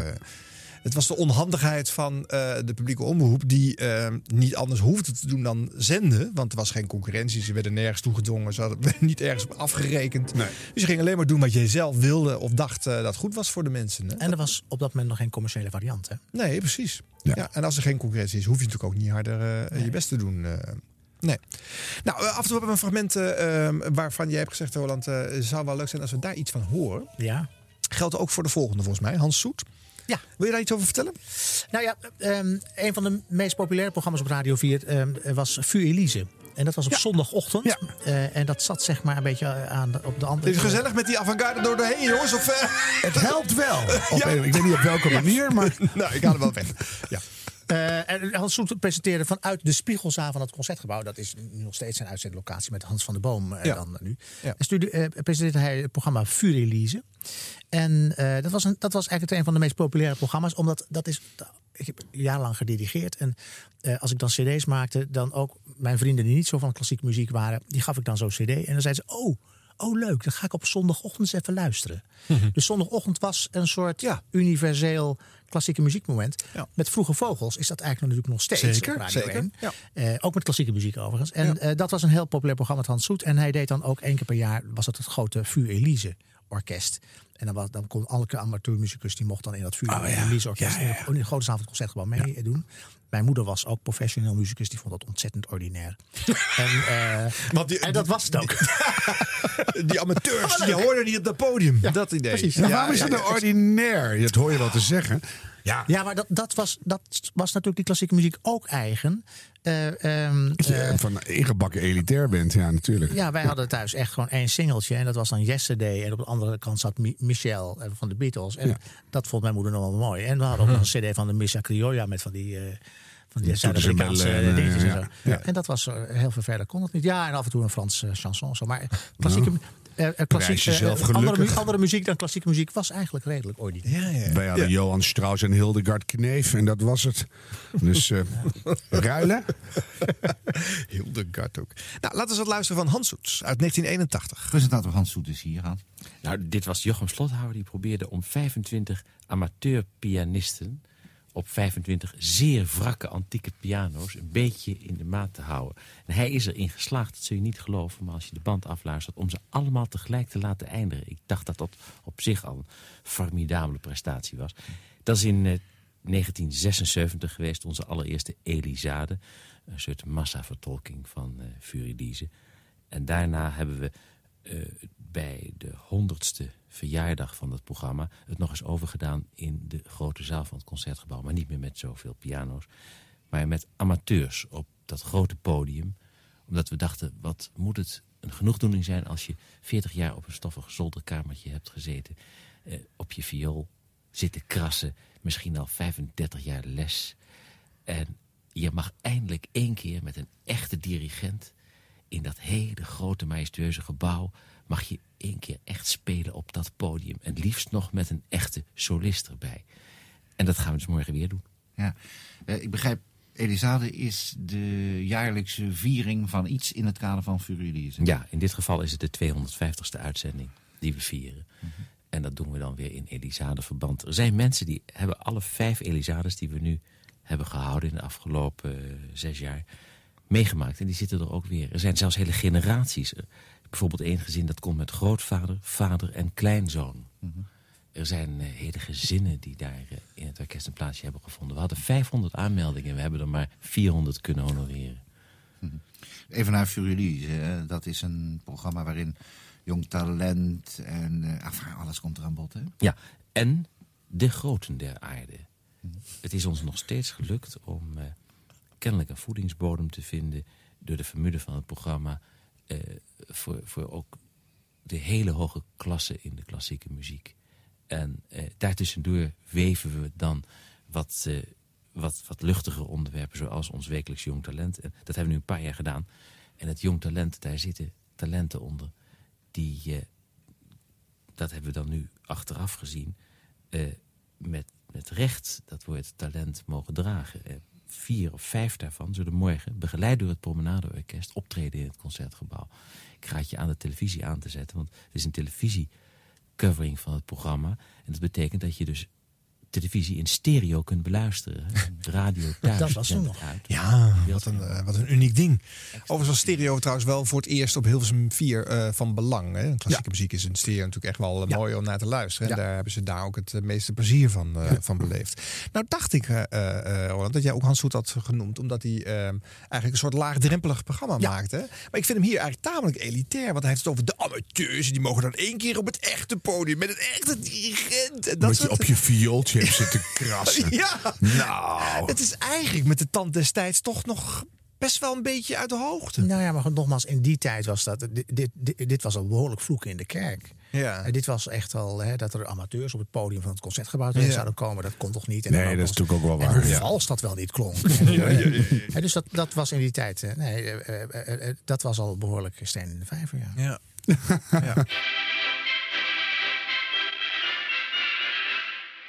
Eh Hilversum 4, eh, Radio 4 is ook het station denk ik met de meeste live muziek op de radio. We hebben een keer een uitzending gemaakt over live muziek op de radio. We hebben klassiek toen bewust laten liggen. Omdat ik wist dat het vandaag zou langskomen. Eh, ik denk dat het nog steeds zo is. Ja, nee, Ja. Dat, kijk, en dat maakt, dat maakt die zender wel weer echt geweldig. In principe doet die zender ook echt verslag van wat er in het Nederlands muziekleven gebeurt. Ik ben directeur van het Radio Philharmonisch Orkest, omopkoor.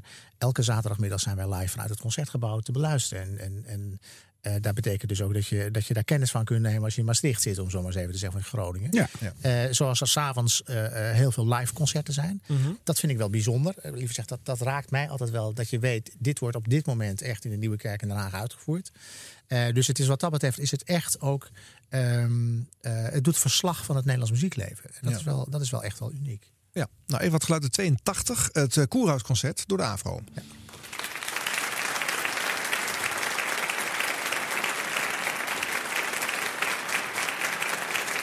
Hier heeft een eerbiedige stilte voorgezeten hè, voor dit applaus, dat begrijpen jullie.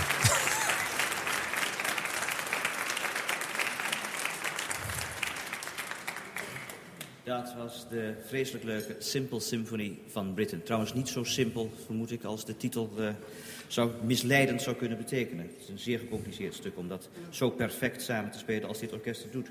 Ik wil u iets vertellen over dit orkest. De naam I dat is Italiaans en betekent de Vlamingen. Dat is een benaming die afkomstig is uit de Renaissance, toen aan vele Italiaanse vorstenhoven de muzikale leiding van de hofkapel in handen was van vooraanstaande Vlamingen. Vlaanderen heeft uh, rond die tijd een zeer voorname rol in de muziekgeschiedenis gespeeld en doet dat nu eigenlijk weer, met name ook op het gebied van de uitvoerende kunsten. Het is een orkest dat ehm, oorspronkelijk al twintig jaar bestaat. Het heette vroeger het Belgisch Kamerorkest. En is een jaar of vijf geleden, na de dood van de toenmalige dirigent Georges Maas, eh, geherformeerd. Het is zoals u hier kunt zien een eh, zeer jong orkest. Gemiddelde leeftijd, heb ik me laten vertellen, is 27 jaar. Het staat onder leiding van Rudolf Werten. Dat is eh, een violist en ook dirigent tegenwoordig. Die werkt in Hamburg als concertmeester van het Symfonieorkest van de Noord-Deutsche Rundfunk. En is een paar jaar geleden eigenlijk door toeval ook in het dirigentenvak gerold. Toen hier in het Concertgebouw in Amsterdam op een Vara-matinee hun vaste dirigent Klaus Tenstedt niet kwam opdagen. Die was nog in Parijs. En hij heeft toen zomaar voor de vuist weg de eerste helft van het programma gedirigeerd. Na de pauze heeft toen Kondrashin, zoals u zich misschien zult herinneren, de eerste maler praktisch zonder repetitie overgenomen. Het was vlak voor de dood van Kondrashin overigens. Dat is dus de leider van het ensemble. Ze geven per jaar zo'n 80 concerten, komen gemiddeld twee keer per week bij elkaar. En voor de luisteraars thuis is het misschien wel interessant om de bezetting te vertellen. Het is drie eerste violen, drie tweede violen, twee alten, twee celli en één contrabas.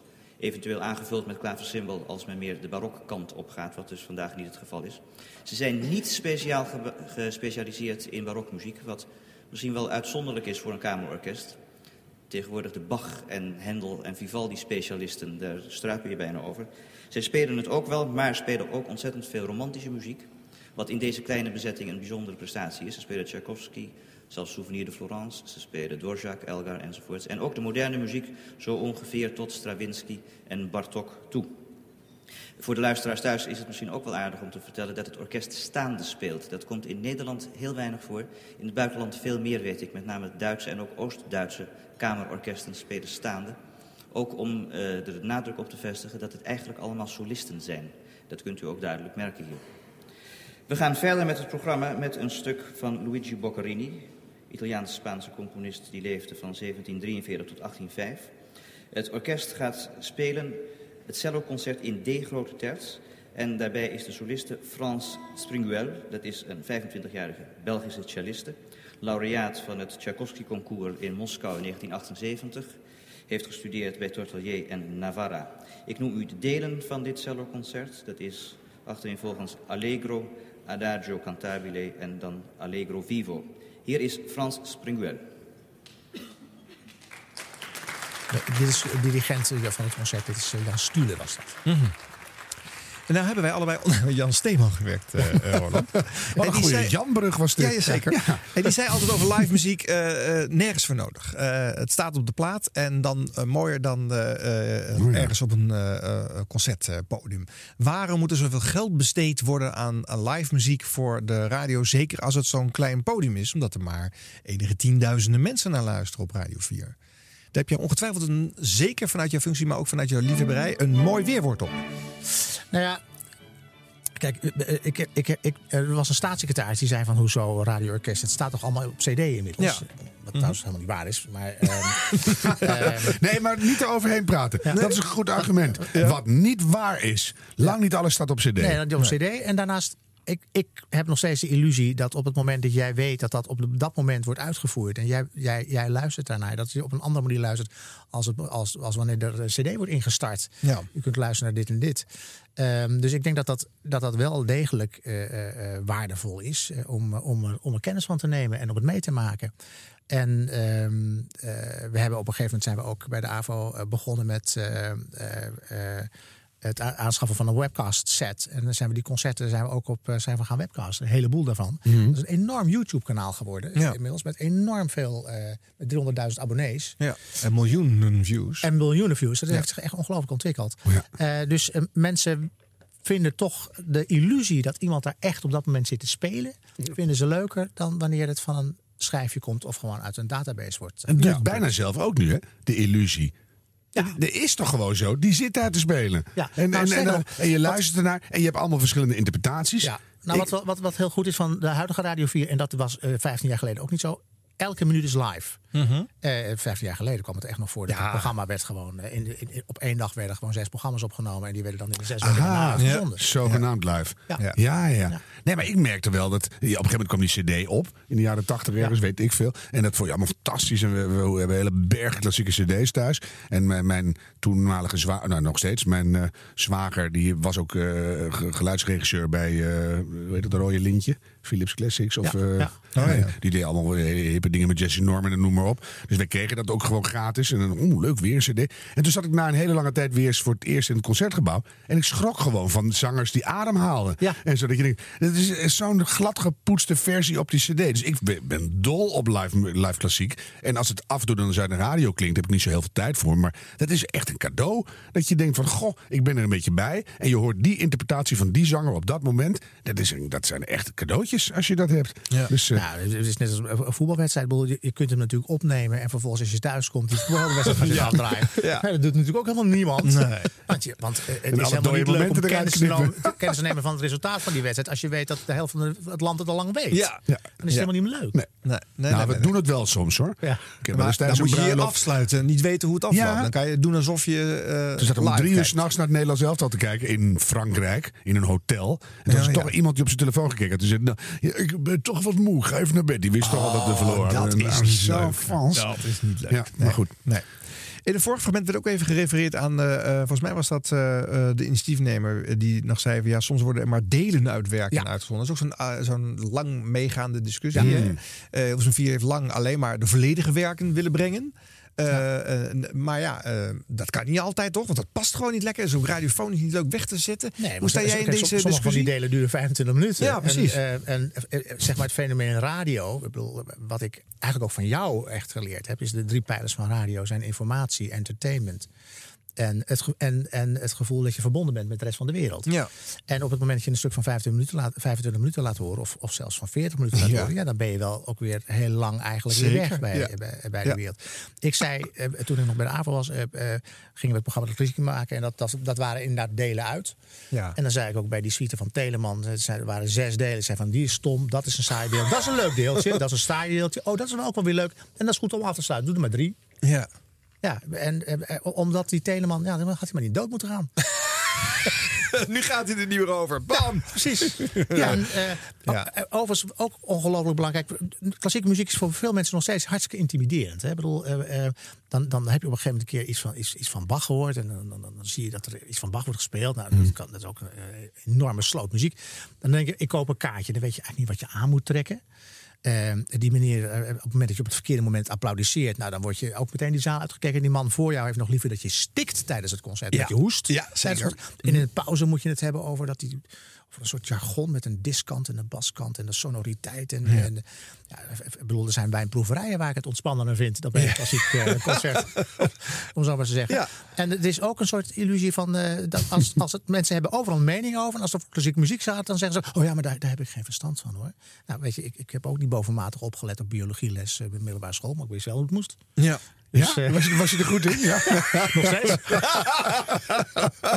dus Ja, er is maar iets- ik merk dat ik daar, daar ben ik ook echt, ik ben echt zo super nuchter opgevoed. Daar is ook geen lol meer aan. Maar dat is wel een soort vrucht die je daarvan meeneemt. Ja, Als ik in, in dat soort publiek sta ik ook regelmatig. En dan kijk ik toch ook een beetje glazig om me heen. En dan wacht ik even, laat ik een betekenisvolle pauze vallen. En zeg ik, mooi hè? Oh, dat is ja, mooi. ja. En als je, als je dat ook gewoon durft te doen. Dat gaat helemaal niet over je. Ik heb er ook helemaal niet genoeg verstand van. Maar ik heb wel heel veel gehoord in mijn leven. Ik zong als kind van acht Nou, dus dan zal het wel ergens in mijn systeem zitten. En dan kan je, als je dat durft te zeggen wat het met je doet. gaan ook hele elitaire gezelschappen ineens ook zeggen. Ik vond het wel echt ontroerend, dat tweede stuk. Ja. Ik ook. En dan komt het, heb je ineens een heel ander gesprek, weet je? Nou, weet je, Dus, ik, ik had een schoonvader is overleden inmiddels eh, eh, en met van zijn dochter ben ik gescheiden. Eh, maar die was timmerman. Maar echt een enorme muziekliefhebber. En die belde mij dan eh, van, hé hey Roland, eh, eh, ik zat in de auto en dat was eh, om een uur of elf. En er was eerst eh, iets met, eh, met een viool en een piano, vond ik heel mooi. Maar daarna een stuk met een orkest en toen kwam een soort... Het klonk als een soort orgel. Eh, wa- wa- wa- wa- wat was dat? En wij hadden dan gedacht, nou, dan hebben we de muziek vioolsonate van César Frank. En dat is een beetje een dat was een Franse componist met een beetje Duitse inslag. En dan doen we daarna een deel uit de orgelsymfonie van Saint-Saëns. Wat is een tijdgenoot van. Maar hij luisterde gewoon puur vanuit Ja. de emotie en of het hem aangeraakt Ja. werd of niet. Ja. En dat is tegenwoordig wel veel meer oké dan vroeger. Nou, sterker nog. Vroeger moest je er verstand van hebben. Ja. Ja, maar ik bedoel, gezels, ik was bij het Norsk Solistenensemble in het eh, de gedoe aan het ei daar, hoe heet het? En dat was bizar. 16 eh, fantastische stemmen waarvan je hoorde, die zingen voor elkaar. En die stonden om de zaal heen te zingen. En die deden Noorse uitvaartmuziek, of in ieder geval Scandinavische uitvaartmuziek, gecombineerd met... Echt eh, vanavond uit, hè? Wat zeg je? Echt vanavond uit. Nee, niet meegevraagd, Hallo, dit is een bijzonder verhaal. En, en, die, en die, wat- dat was gecombineerd met Duitse romantiek. En dat kon je niet heel goed horen wanneer de, de Noorse ellende ophield en de romantiek begon. En dat, dat werd een soort collectieve shock in die zaal. Dat iedereen begon te huilen en te schokschouderen en dichten. Dat heb ik nog nooit meegemaakt. En dan, dan voel je de enorme kracht van wat muziek letterlijk. Je kent het van een orgel in een grote kerk. Dat, de, de- op het hele register Bach. Dan zit je ook een beetje naar je verlepte jeugd te happen of zo. Weet niet hoe het werkt. Maar dit was zo'n collectieve. Iedereen was heel erg aangeraakt. Dan denk je, jeetje, man, weet ik veel wat ze zongen. Dat heb ik later opgezocht. Maakt helemaal niet uit. Maar het was echt extreem mooi. En, Nou, en- dat bleef je nou als je samen in de concertzaal bent. Kijk, ja, maar dat- ik die blijf- hadden zelf die mix ook gemaakt, bedoel ik. Dus het ging ook niet om puurheid. Het ging ook van dit doen wij en met dat effect. Nee, ik ook ik, mooi. geloof echt, ik geloof nog steeds echt hartstochtelijk in de klassieke muziek. Want als je, als je, als je heel kort even verplaatst in, eh, laten we zeggen, de Venetianen begin van de 18e eeuw. Die, eh, die, die woonde in Venetië. ehm, eh, zijn, zijn, zijn, die was in veel gevallen was hij niet veel verder dan 40 kilometer buiten Venetië geweest. Mhm. Hij kon niet lezen of schrijven. En zijn levensverwachting in die tijd was Ja. ongeveer 35 jaar. Ja. Oh ja. Plaats hem in onze tijd. En hij wordt waarschijnlijk heeft meteen een, een, een zenuwinzinking door allerlei objecten die door de lucht zweven. Het feit dat, je, dat er iets langs jou zoeft terwijl je geen hoefgetrappel of piepende eh, wielen hebt gehoord. Er plaats ons in zijn tijd, in die tijd eh, begin eh, zeg 1720 in, in, in Venetië. En we zijn waarschijnlijk binnen een half, binnen een half jaar zijn we dood aan alle ziektes die daar ronddwalen, waar we helemaal niet tegen bestand zijn. En toch delen wij hetzelfde kippenvel met die Venetiaan uit het begin van de 18e eeuw. Wanneer we luisteren naar vier vioolconcertjes, gecomponeerd door een man die priester was geworden, omdat hem dat de kans bood om in de muziek opgeleid te worden en die zich liet inspireren door de vierjaargetijden. Mhm. Wij delen dat. ze- En als je daar even. Het lijkt alsof we van twee verschillende planeten komen. En toch delen wij datzelfde kippenvel. En dat is toch eigenlijk. Dat is wel magisch. Ja. Dat is Maar- wel maar echt heel bijzonder. Dat heb je ook met salami eten. Kun- eh, Kan dit eruit? Ja, ja, ja, dat kan eruit. Nee, dat is juist zo mooi. Dat, dit, dat die, die hele, die- als ik het terug dat is heel flauw, maar als je die echte ervaring, en dat is ook gewoon in, een, in een iets lekkers bijten. Of dat is iets moois horen, of dat is, de liefde was toen waarschijnlijk net zo opwindend als nu. Als je, te, nou, nou ja, dat weet jij meer van dan ik misschien, hoorde ik net. Maar dus, eh, maar, dus, ik ben niet uit het begin van de 18e Nee, maar ik bedoel, dus, volgens mij is het los van dat de klassieke muziek eeuwigheidswaarde heeft, dat, dat mensen eh, op iets echt moois eh, misschien hetzelfde reageren. Zo hoor ik wat je zegt. Nou, maar ik, ik, ik, vind, ik vind het bijzonder. Ik bedoel, het, normaal, het lijkt alsof we van twee verschillende planeten komen. Maar kennelijk is behoefte aan troost of aan vreugde. Of aan. Kijk, ik, dan vraagt, we vragen, vragen me, wat- is er nou leuk aan die klassieke muziek? Dan zeg weet je, als je nou op een gegeven moment dan kom jij dat ene meisje tegen. En dan uiteindelijk heb je de moed verzameld. om te zeggen van, wil je bij mij komen eten? Hè? Ja. En dan eh, ga je, ga je dan, ga je dan Ga je dan die tafel een beetje mooi dekken? Ja, dan ga je die tafel een beetje mooi dekken. En ga je dan eh kaars opzetten? Dan gaan we kaars opzetten. Hè? En dan ga je waarschijnlijk keiharde hardrock aanzetten. Nee, dan ga ik al iets wat een beetje... Ja, dus, hè, dus die behoefte om, om op een bepaalde manier geraakt te worden. En, Ik moet je zeggen, dat geldt voor mij ook. Ik zit wel mijn hele leven in die klassieke muziek. Maar ook als ik bij een uitvaart ben, kan die muziek mij onbeschrijfelijk onder, onder, onder de huid komen. Echt helemaal ontregeld. Ja, dat is echt heel heftig. Ja. Ja. Ja. Dat is ook het mooiste, jongens. Muziek, muziek raakt, muziek heeft veel emotie in zich. En als je, als je dat voelt, dat is, dat is het mooist. Ik heb wel één keer een reportage gedraaid met een man die multimiljonair was geworden in de verpakkingsindustrie. En die woonde op een mooi huis, in een mooi huis met uitzicht op de, op de rivier, daar bij Arnhem in de buurt, Nijmegen. En die had een hele kelder vol met margot's en de wijnhobby. Mm, Weet ik veel voor hoeveel miljoen er in die kelder stond. En toen had hij voor mij een perfect glas witte wijn geopend om 11 uur 's ochtends. Oh. En toen zei ik, is daar misschien ook een passend muziekje bij? En toen drukte hij op zijn Bang Olufsen villa system. En toen kwam de slipknot uit de muur. dus, ja, maar er, was, dus, er zijn uitzonderingen. Dat je denkt, hoezo dit nu? Ik Dat gok op Jan- op James Last. Ja, dat zou ik dan nog Slipknot is hele harde Maar metal. Slipknot, ik dacht even nou weer. Dus je hebt, je hebt hele rare types, maar voor de rest ben ik het met je eens. Dus eh, ja. Maar we- even, wat vind ik toch leuk, we hebben een, een belangrijk gast. We- Jij, jij zit je hele leven in die klassieke muziek. Dan ken je er nog veel meer van dan wij bij elkaar. Wat raakt jou nou heel erg? Wat is bijvoorbeeld jouw favoriete soort klassieke muziek? Ja, dat kan ons. Ik, ik ben toch echt wel een soort alleseter. Nee, ik ook, maar dan komt het toch altijd weer bij een paar bij uit. mij ook ongelooflijk van mijn stemming af. En, en eh, er zijn momenten dat ik eh, eh, inderdaad naar Bach, eh Bach Ja. Omdat dat een Bach soort, moet altijd. Nou ja, Bach, kijk, als je niet zo thuis bent in de klassieke muziek, maar Bach, eh, dat, dat, dat heeft wel een soort, soort eh, eh, ehm, eh, zuiverheid in zich, zeg maar, waar, waar ik dan heel ongelooflijk van. Maar er kunnen ook momenten zijn dat ik echt meegenomen word door ze. hè, nog een paar weken geleden, ja, van Zweden, met een Walkuren-opera van 4,5 uur in het concertgebouw. Good value for money. Ik las een keertje, die Wagner-opera's zijn altijd heel erg lang. Ik las een keer in een boekje, een soort eh, klassieke muziek voor dummies, werd aangeraden. Gaat u naar uw eerste Wagner-uitvoering Dress Comfortable? ja, ja, ja, ja. Dat is wel leuk. Ja, dus ik kan, ik kan op al, ik kan van, en, en dan, dan is het weer de Keizerwaltz van Johan Strauss. En dan is het juist niet de Keizerwaltz. Dus het is voor mij. Keizerwals heb ik er echt nooit last van. Maar, Ja, het kan van alles wezen. Ja. Ja. Ja. Nee, maar ik heb altijd wel van een paar dingen. Chopin komt altijd terug, moet, er, moet erbij. Richard Strauss moet, is ook een beetje voor iedereen, maar moet er wel een beetje bij. En, dan, en Bach moet altijd. En een heleboel andere dingen hoeft eigenlijk nooit. Ja. Nee, want dat, en, eh, dat is wel echt belangrijk. Er is namelijk in die afgelopen 500 jaar ook strontvervelende klassieke muziek gemaakt. Het is niet goed omdat het klassieke muziek is. Nee, nee. Er is ook, ook hele saai. Maar het, het is wel een enorme berg met muziek. En af en toe is het wel fijn als iemand zegt van... eh, zullen we eens een beetje gaan zoeken naar wat jij nou leuk vindt. Ja. Ja. En dat kan zo'n zo'n Radio 4-zender natuurlijk echt wel, echt wel zijn. Ja, ja. En, ook- en dat was met Maatje van Weeg wel, wel, wel toen. God, als Maatje het mooi vindt, dan zou ik het misschien ook wel mooi kunnen Ja. vinden. ja. En Grappig. Daarom hoop ik ooit nog terecht te komen op Radio 4. Nou, Ja.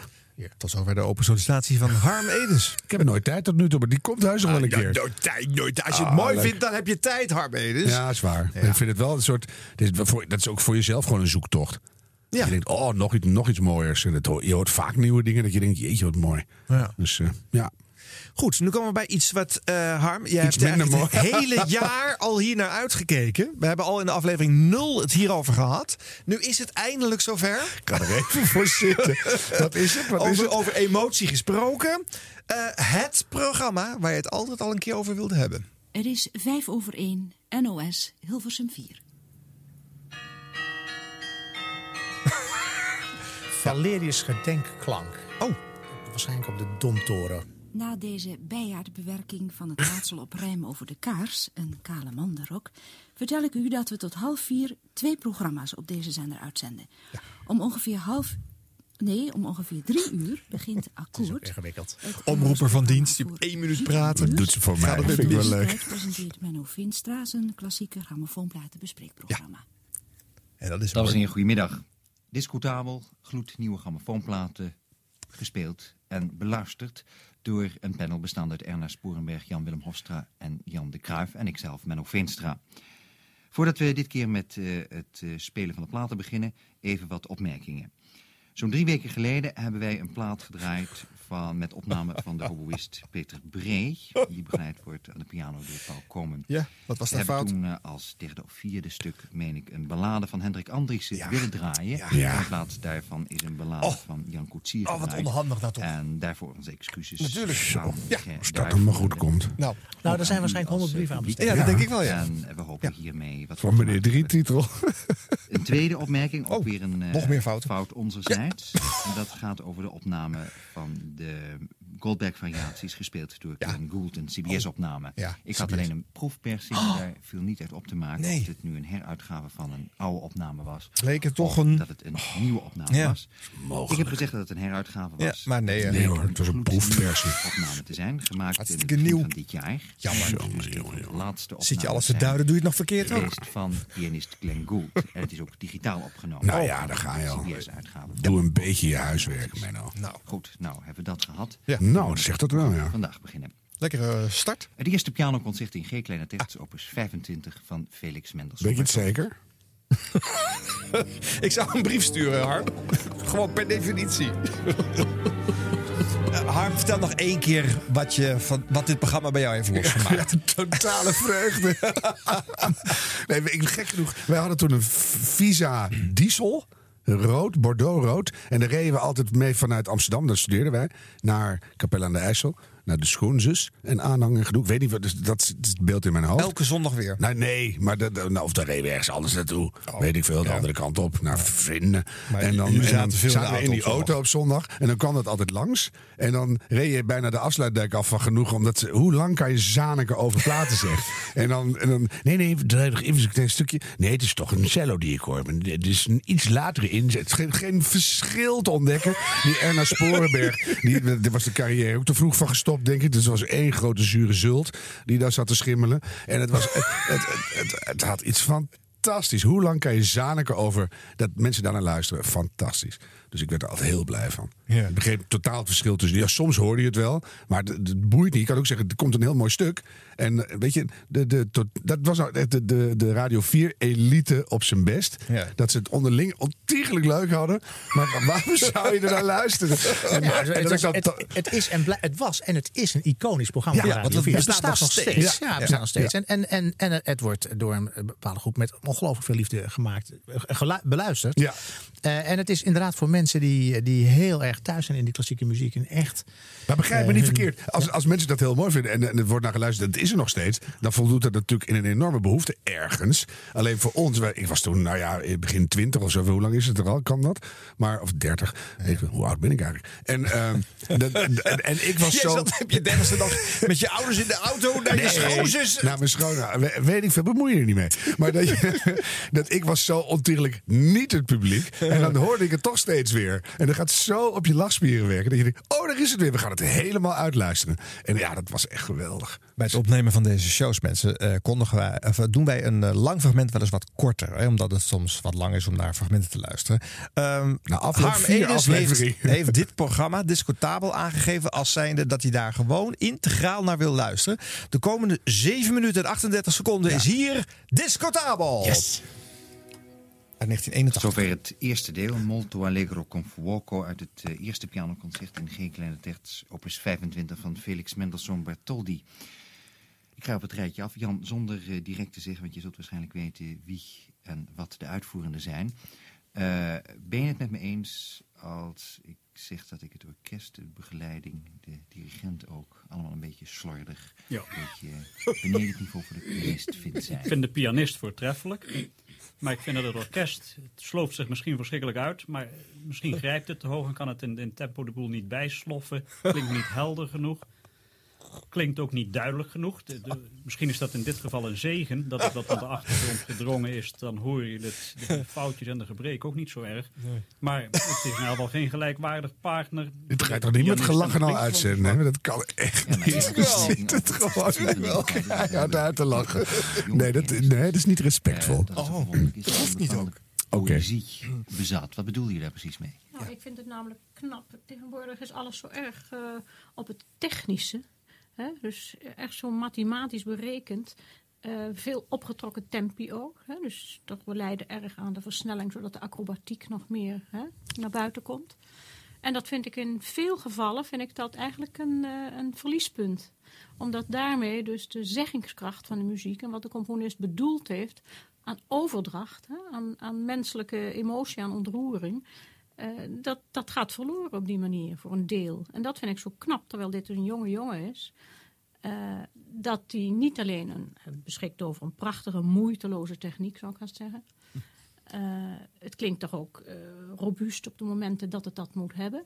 Maar daartussen merk je dat er echt dus poëtisch gedacht wordt. Dat, ik kan er geen ander woord voor vinden. Zodat er bij wijze van spreken de ziel van de muziek ook nog aan bod komt. En dat vind ik zo fijn. Ehm, zou je denken dat het misschien een volgende generatie van uitvoerende kunstenaars is... die zich afzet tegen uitsluitend de acrobatiek, uitsluitend de techniek?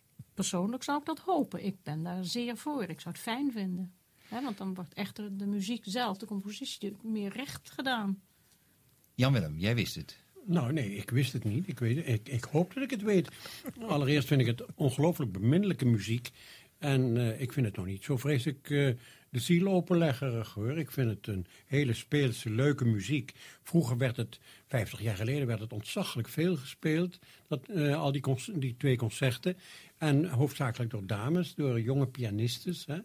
En eh, iedereen vond dat enig. Maar ze maakten daar nou niet zo'n vreselijke heilige dag van. Maar alleen salonmuziek is het toch ook niet? Nee, dat is het niet. Maar daar, daar zit het toch wel naast. Je zou ook denken dat, het een, eh, dat Mendelssohn een bijzonder beminnelijke man is geweest. Hè?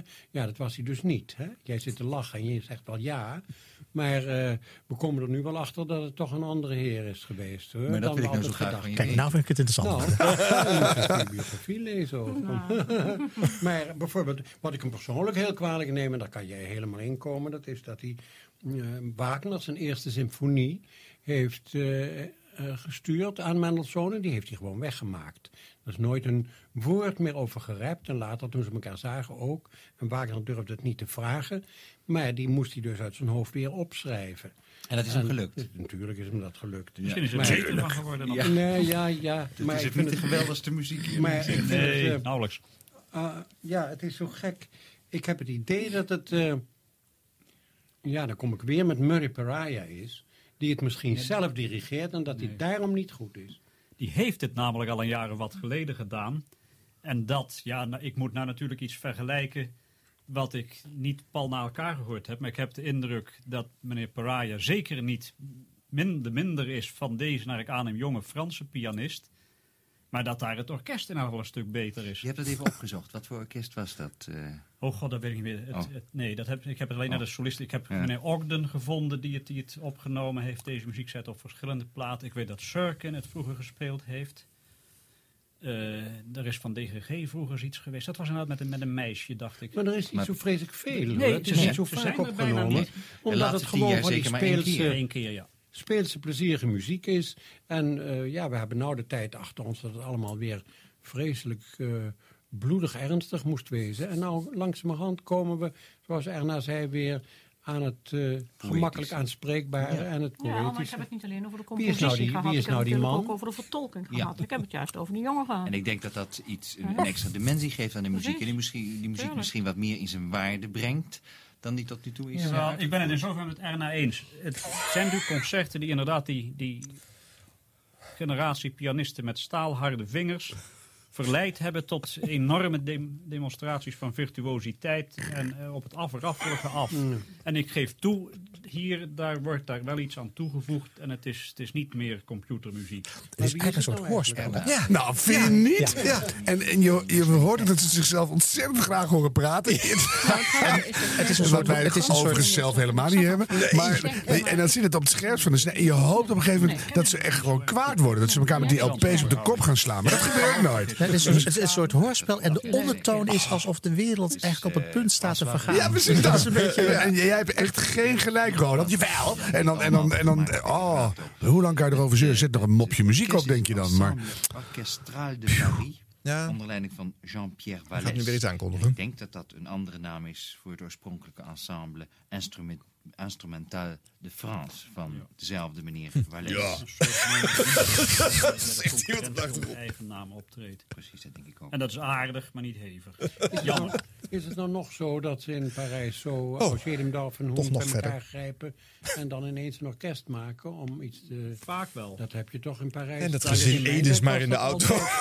Luister je Hoezo gezin? Totaal op afgeknapt. weet Ik heb mijn lief en ik. Oh. Dus- Het is een soort lunatics is het eigenlijk. Nou, vind je, maar ik zei het niet. Hè. Dit is gewoon Ronald Rief, dames en heren. Maar dat is precies dat gevoel. Dit kan toch niet waar zijn? En dan gewoon elke week, hè? Heerlijk. Het is een soort kolonel. Ja, ja. En een, een oude verpleegster is erbij. Ja, ja, ja, ja, dat is het. Ja. Echt gewoon lunatic. Ja, Langzaam deels laten Ja, het is echt zeldzaam grappig. Wat ook op die plaat staat. D kleine terts, opus 4. toch een aankondiging. Dezelfde uitvoerende dan. François René Duchable en het ensemble Orchestral de Paris onder leiding van Jean-Pierre Vallès. Ze hadden alles fout, zo te horen. Uitvoerig analyseren Niks Pariah.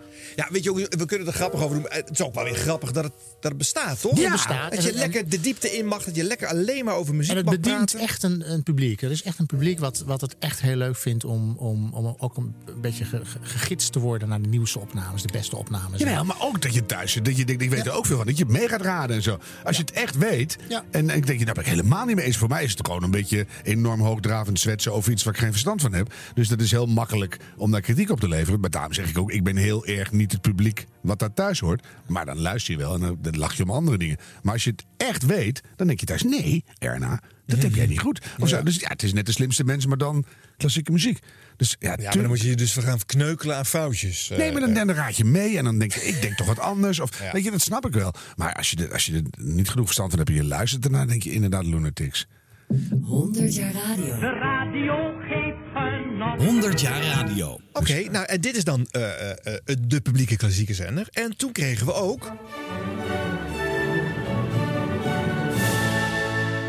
Classic FM. Licht klassiek voor elk moment. Ja. Ja, en toen werd eh, Classic FM werd echt een bloedserieuze concurrent van Radio 4. Omdat ze eigenlijk veel radiomatiger dachten. Ja, ja. Zij dachten echt na, wat is nou het soort muziek wat je wil horen als je net wakker bent? Wat is nou het soort muziek wat je zeg maar in de loop van de dag wil? Eh, eh, wat, wat wil je s'avonds uh, voor het slapen gaan? Dus zij dachten daar goed over na. En ze hadden station calls. Mhm. En ze vertelden hoe laat het was. En dat waren allemaal eigenlijk aspecten. ja, dat klinkt een beetje gek. Maar dat waren allemaal, allemaal, allemaal aspecten van moderne radio. Ja. Ja. En dus echt, in- eigenlijk in die tijd bleek wel dat zij, zij, waren, zij hadden eigenlijk beter door wat radio was dan op dat moment Radio 4. Ja. Ben je nooit weggekocht? Nee, nee want het, is, kijk, het is natuurlijk een. eh, eh, eh, Het gesproken woord was daar echt minimaal. Ja. En dan moet je mij niet hebben. Nee, maar als, als, als zendermanager of iets Eh, anders. Oh, nee, nee, nee, nee, maar het, nee, maar een tijd moet- lang heeft, heeft eh, eh, Classic FM Radio 4 overvleugeld. Dat is echt wel voorbij. Dat had ook te maken met dat ze van de FM verdwenen. Ja, natuurlijk. precies. Ja. En nu is Classic FM, wat weer een soort revival heeft, zit, wel echt onder Radio 4. Ja. Maar Radio 4 heeft wel echt. toen bleek inderdaad, jij zei het eerder al even. eh, toen bleek dat het goed was dat de concurrentie kwam. Ja. Want toen kon niet iedereen maar gewoon een beetje zitten te.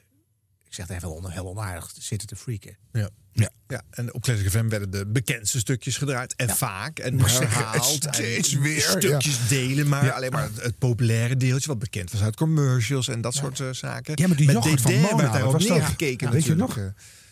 Ja, dat, dat, dat was, kijk, de meeste klassieke muziek. Die bananen en dat- zo. Die zat in de reclames eigenlijk, ja. Wat was Ja, dat? Ja, dat was volgens mij Peer Gynt. Ja, Peer Gynt, ja. Ja, maar wat, wat toen gaandeweg ook gebeurde, is dat... eh, eh, eh, Dat was een, eigenlijk zo'n be- eh, zo'n beetje eh, begin eh, eh, 2001, 2002, 2003. Toen haalden we ook het nieuws terug. eh, op, eh, Mhm. op, eh, want Radio 4 was het tussen 9 en 12 gewoon helemaal geen nieuws. Nee, nee. Er kwamen enorm veel protesten op. Dan zeiden mensen, ja, ik zit de hele dag naar hetzelfde nieuws te luisteren. Ik zei, ja, nee, maar dat weet je niet van tevoren. Daarom luister je. Of te kijken of het hetzelfde nieuws is, of dat er juist iets gebeurd is. Ja. Dus, dat heeft allemaal, dus het is radiomatig veel beter geworden. Toen is op, uiteindelijk is ook het programma tussen 7 en 9 is actualiteit eh, met zich gaan Ja. mee gaan brengen. Want Ja. toen bleek dat eigenlijk er heel veel overlap was tussen Radio 1 publiek en Radio 4 publiek. Ja. Dus de propositie tussen 7 en 9 's ochtends, nu met Margriet Vromans, wat een heel goed gemaakt programma is. Mhm. Eh, eh, de propositie werd inderdaad om klassieke muziek met nieuws eh, eh, te versnijden. En dat bleek eigenlijk ook heel, heel, heel organisch te kunnen. Ja. Dus eh, mede dankzij eh, dit station, mensen.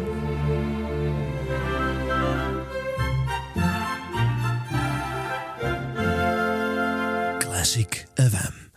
Ja, Dat eh, was jij. Jazeker. Oh, denk dat het, het, het, classic- het, het waaide natuurlijk over uit, uit Engeland. En Ja. in Engeland is Classic FM, was in ieder geval in die jaren is echt een voortreffelijke zender. Mhm. Echt een ongelooflijk goed gemaakte zender. Ja. Met, eh, met alle radiomatigheid erin. Alleen gewoon met, met hele goede klassieke muziek. eh, Ja. eh, eh, op, op de plek waar je nu eh, popmuziek eh, Ja. En toen Classic FM die FM-frequentie kreeg, moesten ze ook nog 40% jazz in de programmering doen. Dat was een eh, opgelegde overheidsvoorwaarde om dat pakket te krijgen. Maar goed, toen lieten ze wel snel horen dat ze dan met zo'n eh, FM-zender eh, eh, het Radio 4 Bastillon eh, de baas eh, konden zijn. Ja, en Tot, toen op eh, enig moment toen, toen kwam die veiling van die frequenties. Ja. Nou ja. En En toen, moest af. Sky, want het hoorde bij Sky eh, in mijn herinnering.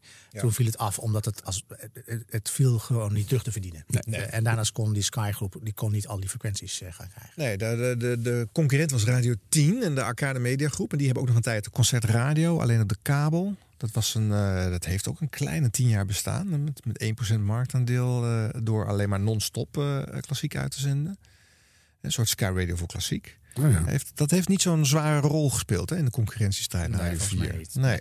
Nee, niet echt. En de concertzender is het natuurlijk ook altijd geweest, door vrijwilligers gemaakt. Nog vaak, steeds. vaak de diepte in. Hè? Ja. ja. Zullen we een klein stukje luisteren? Ja. Even de diepte voelen.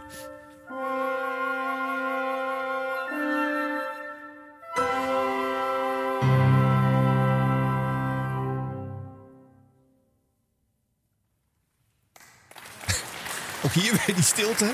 Ja, veel live-opnames hè? maken ze ook nog steeds wel. Ze eh. nog steeds. En dat, dat, is, dat wordt door vrijwilligers gedaan. Mensen die vaak ongelooflijk kundig zijn in het maken van akoestische opnames. Ja. Eh, dus het is echt het is een, eh, het is een Dat zender was het inderdaad met veel sextet vrijwilligers. van Francis Poulenc. U hoorde Ties Roorda, fluit, Roger Kremers, hobo, Efinke Hogeveen, klarinet, Anna Gierten, hoorn, Joop Bremer, fagot en Nata Sverelli, piano. Dan verplaatsen we de microfoons naar de grote zaal van het muziekgebouw aan het IJ. En daar speelde 15 maart jongstleden pianist Marc-André Amelin het pianowerk Cipressi van Mario Castelnuovo Tedesco. Al die presentatiestemmen in die tijd waren ook allemaal precies hetzelfde. Hè? Ja, hè? Die moesten allemaal wel heel goed beschaafd Nederlands. Want dit klinkt juist niet wezenlijk anders eh, wat Nee. hier gebeurt. eh. Er is ook nog een tijd geweest dat de concertzender door de publieke omroep is omarmd. een tijdje binnen- heeft het eh, een tijdje omarmd. Maar, maar toen, je hebt dus een fase gehad waarin Classic FM was, Concertradio, Concertzender en Radio 4. Vier stations in Nederland voor die toch relatief kleine markt van de klassieke muziek. Hoe wonderlijk is dat toch geweest? Ja. ja. Concertzender heeft ook nog een tijd, eh, is ook nog een tijd van Veronica geweest. En dus een soort, ja, altijd maar op zoek naar een nieuwe partner om het maar eh, te blijven overleven. Ja. En ze hebben heel veel subkanalen. Ik geloof wel 25 webkanalen met allemaal subgenres. Ik heb het al één keer eerder gememoreerd, maar daar zit mijn favoriete webkanaal bij. De gehoorde stilte. Dus ik kan niet nalaten om in deze uitzending toch gewoon even een klein stukje geluid van te laten horen. Dat heeft ook nog een aantal jaren op Radio 6 gezeten. Want toen, ja, nee, zo ging het. Nou weet ik het weer. De publieke omroep had de concertzender geannexeerd. En toen werd de publieke omroep NPO. Hè, het bestuursorgaan kreeg een naam en een etiket. En toen hebben ze dat station hernoemd in Radio 6. Dat was eerst World and Beyond. Alles, alles van de muziek en meer. alle, alle, alle universa aan heel veel muziek. en, eh, en daar mocht de concertzender als centgemachtigde dan nog wat doen. Tot ze daar uiteindelijk uitgewerkt werden. En toen werd Radio 6 een soul en jazz station. En toen waren die vrijwilligers allemaal weer eh, honkloos. Nou, eh, daar zat het programma De Gehoorde Stilte op. En dat is nu een webkanaal. Later op de dag klaart het wat op en breekt de zon door. Het wordt een graad of 18. Dit was het NOS Journaal. Dit is Radio 6. Stichting Concertzender. De gehoorde stilte.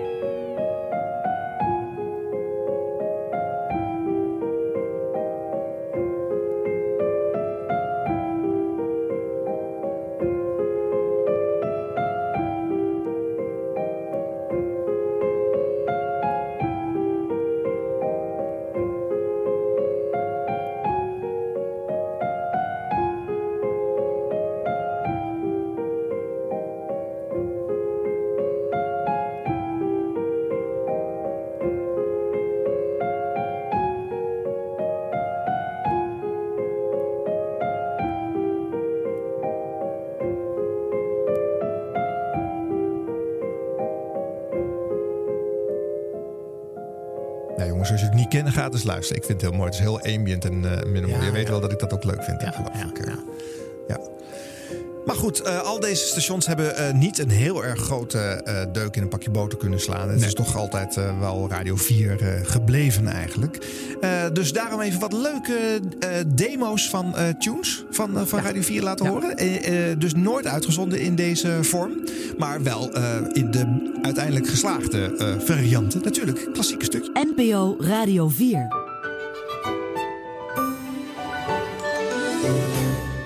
In principe hebben wij het begin hiervan goed. Dus je zou eigenlijk de bumper 1, de laatste vier maten alleen kunnen doen.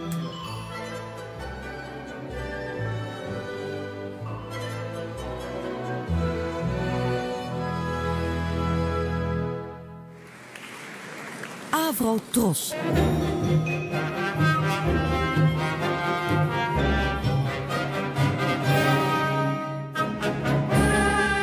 Het avondconcert.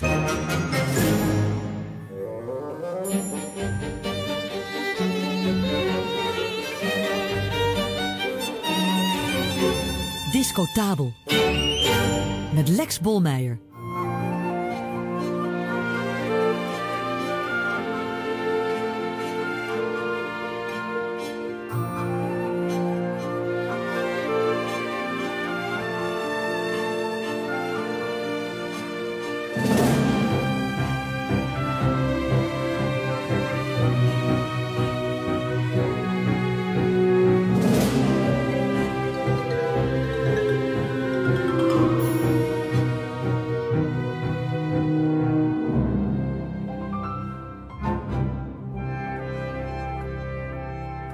Klassiek leeft op 4.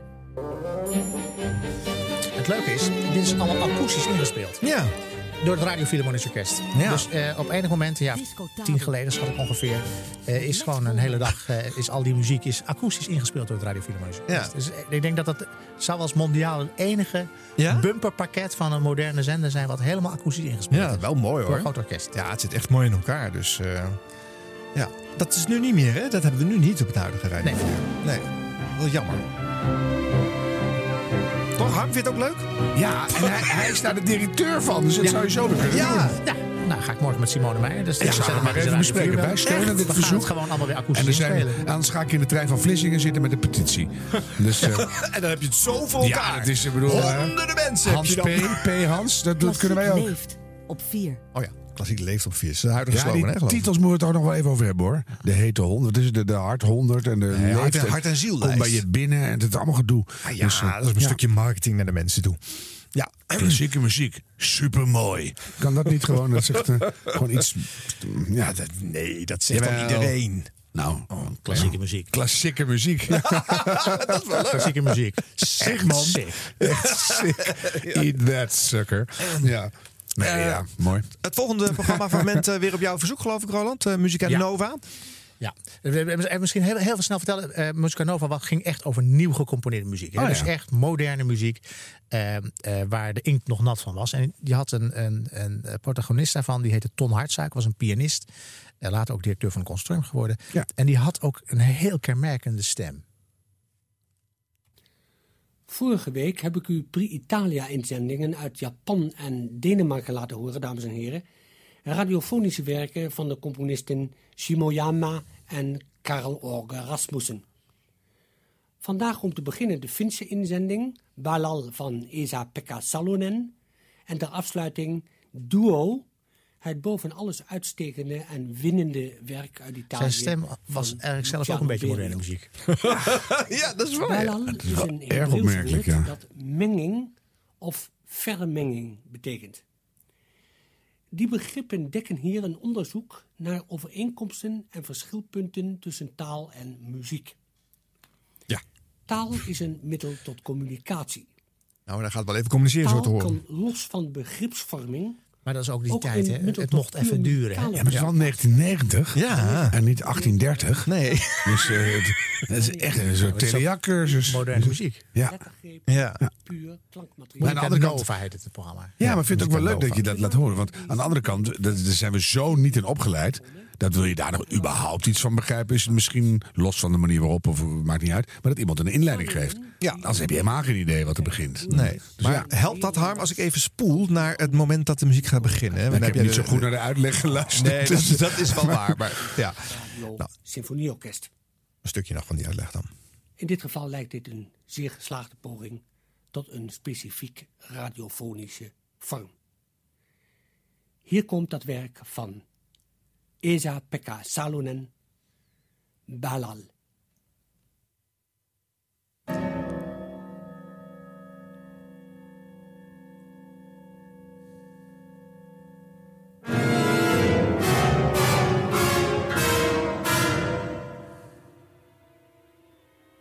Specifiek radiofonische vorm, dit, eh, jongens. Dus.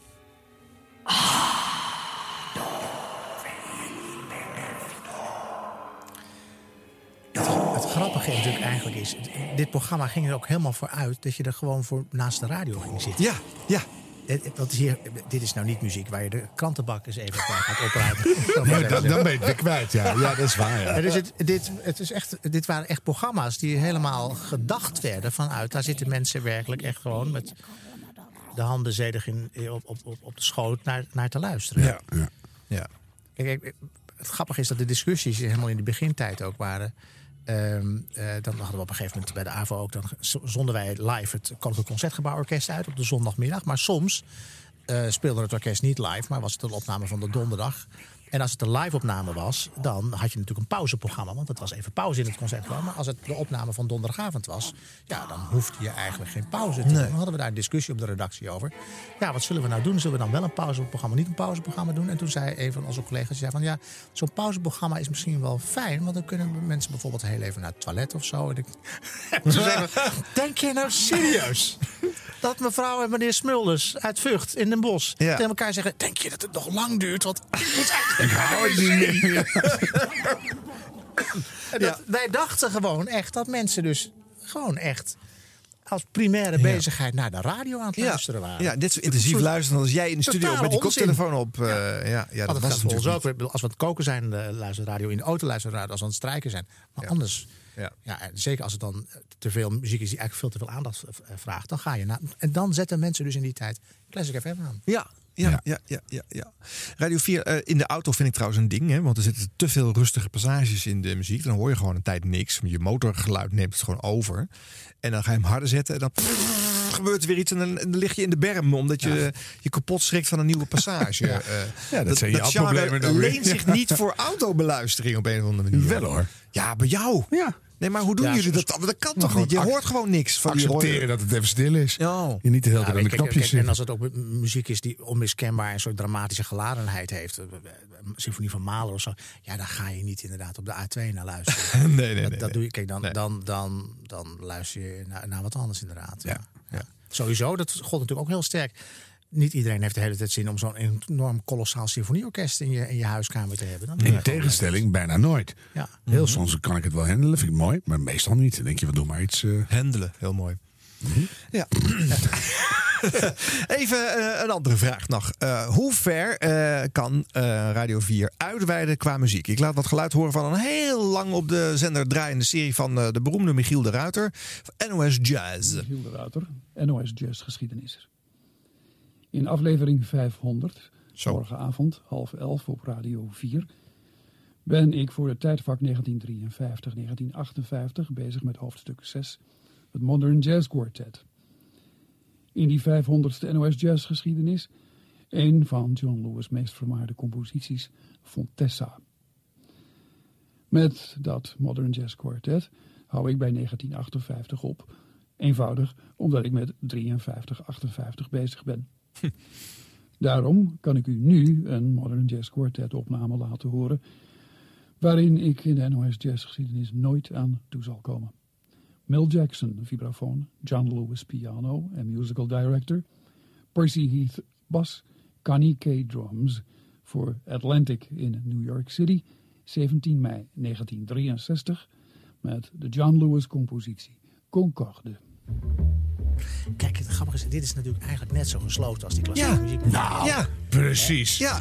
Dit, is, dit, dit, dit excludeert mij net zozeer, ja, de John Lewis. ja. Maar wel drums. Ja, dus, dat, dat, dus in zekere zin is dit net zo voor kenners en voor een, voor een inner circle als Ja. veel van die muziekprogramma's die Oftewel, net zo erg.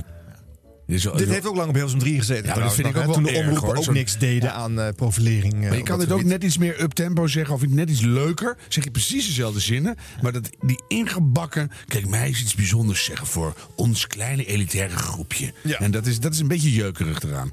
Goed. dat, je kan het ook een beetje leuker zeggen. Maar eh, dan de vraag: jazz op een klassiek station? Ja Ah, of ja, nee? joh.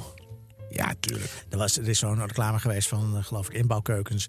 En daar wordt er gezegd van, voor de een is dit eh, eh, ja. klassiek. En dan hoor je, hoor Ja. je het trompetconcertje van Haydn. Ja. En voor de andere is dit klassiek en hoor je Glenn Miller. Dus het is maar helemaal de vraag hoe je het definieert, inderdaad. Ja. Ehm, eh, ik, ik hou wel, ik, ik, ik zit af en toe ook wel een beetje met die term klassieke muziek.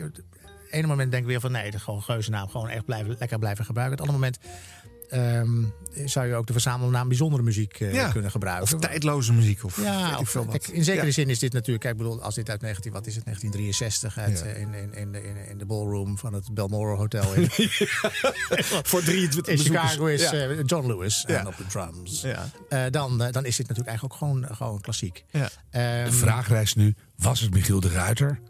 Of was het Roland Kieft? Dat is gewoon jouw pseudoniem voor, die, voor dat jazzuurtje. Ja.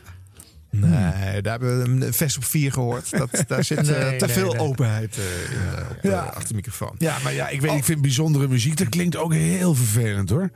Dus ik vind klassieke muziek met wat, eh, wat vrolijke, modern uitlopende rafelranden, Nou, kijk, vind ik helemaal niet erg. Weet je, je, moet, je moet niet, van, je moet niet eh, net doen alsof klassieke muziek geen klassieke muziek is. Het, je moet die lengte van die muziek moet je ook een beetje omarmen. Kijk, op het moment dat je zegt van ik ben eens even, het is schitterend weer, zo eens even lekker door, door, even door, de, door, het, door het bos gaan wandelen, dan doe je dat ook niet in snel tempo, zeg maar. Dan neem je er de tijd voor. ja. Op het moment dat je een roman hebt, denk je van hé, ik heb eindelijk tijd de hele middag, dan ga je zitten met die roman en dan zet je die pot thee en je gaat gewoon daar een paar uur tijd voor nemen. Sigaar roken doe je ook even niet even snel. Al die dingen, uit eten gaan, Ja. daar neem je ook de tijd voor. Ja, als je het goed doet wel. Ja. Ja, dus, dus, eh, dus, eh, eh, eh, dus, en dat moet je met die klassieke muziek ook omarmen. Het Ja. is iets wat, wat adem heeft, wat lengte heeft. Maar die lengte moet je juist, dat moet je juist aantrekkelijker aan vinden. Ja. Nou, nee, maar ik bedoel ook dat je dan jazz erbij zit. Dan hoef je het niet bijzondere muziek te noemen, wat mij betreft. Daar hadden we het nog over, toch? Oh, ja, ja, dus ik ja. denk van, dus doe lekker klassieke muziek met wat, wat hippe rafelranden of weet ik veel. En er komt wat bij en dan valt er eens een keer wat af. Maar die, dat, dat, dat corpus, dat blijft wel een beetje overeind, denk ik. En, en dat is ook gewoon hartstikke mooi. Dus eh, ik, vind het, ik vind het eigenlijk niet eens een geuze naam, hoor. Ik vind het gewoon, eh, dat is het gewoon. Nou, de, ehm, de avondprogrammering van eh, Radio 4 heeft lang eh, subgenres behandeld buiten het standaard klassieke Er zat repertoire, eh, de harde knip, zoals dat heet. Ja? ja. De? Ja, de harde knip. En daar kwam wereldmuziek en jazz en dat soort Ja. dingen kwamen. Oh ja. kwamen Maar dat door. bracht mij ook op Radio 4. Ik ben niet eh, eh, eh, van nature met klassieke opgevoed en eh, was als tiener en twintiger geen luisteraar eh, van Radio 4. Maar kwam wel binnen voor een programma als supplement van, eh, van de NPS. Ja. Eh, leerde daar Code Kloet kennen met zijn Frank Zappa-programma's en noem het maar op. En dat vond ik toch wel leuk hoor. Dus ik ook daarvoor nog even een fragmentje. Je hoort hier King Crimson, want het gaat over Robert Fripp van King Crimson. Deze aflevering van Supplement uit 1999.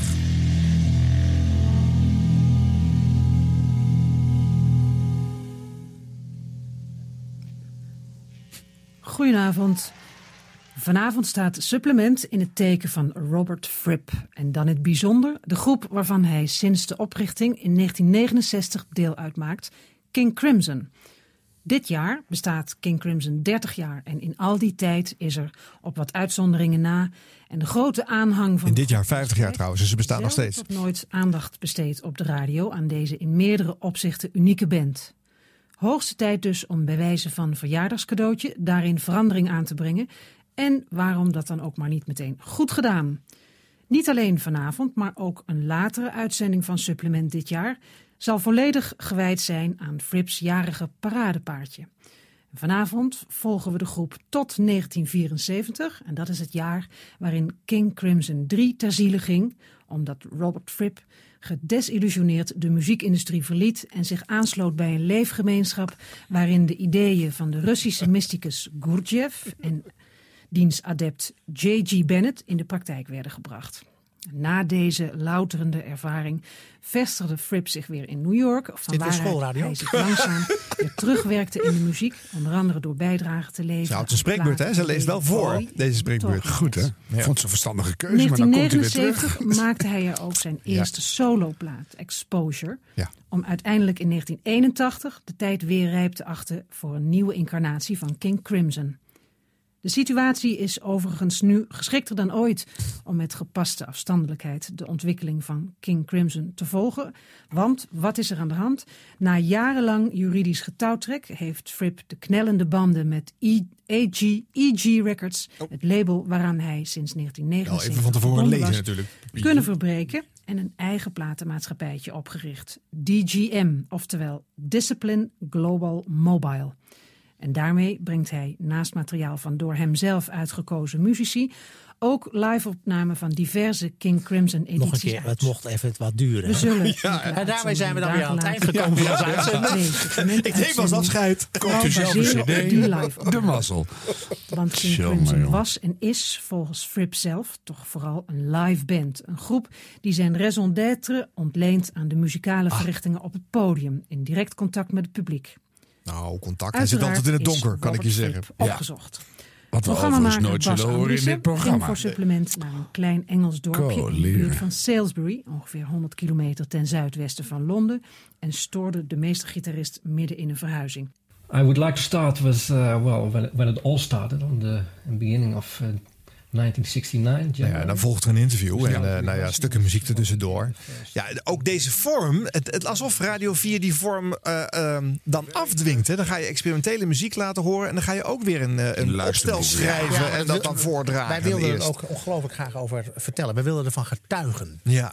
Dat is eigenlijk wat op die zender heel in die tijd zeker ook heel erg gebeurde. En, eh, eh, en, en ja, redacteuren kregen ook heel veel ruimte om gewoon hun eigen muzikale belangstelling heel erg uit te werken. Ja. Maar dat moest de presentator dan ook gewoon nog weer oplezen. Want als Ja. je daar dan nog in ging rommelen, dan was je aan de beurt natuurlijk. Ja, ja. En, en inderdaad echt heel veel van eh, uitgeschreven teksten. Ja. lezen. Dat gebeurde heel Ja, veel in die tijd. ja. ja, kijk, soms met, als je veel informatie moet geven, is dat natuurlijk wel prettig. Maar probeer toch zoveel mogelijk maar te vertellen hè, in plaats van voor te lezen. steekwoorden, weet ik veel, verzin niets. Maar ja, ja.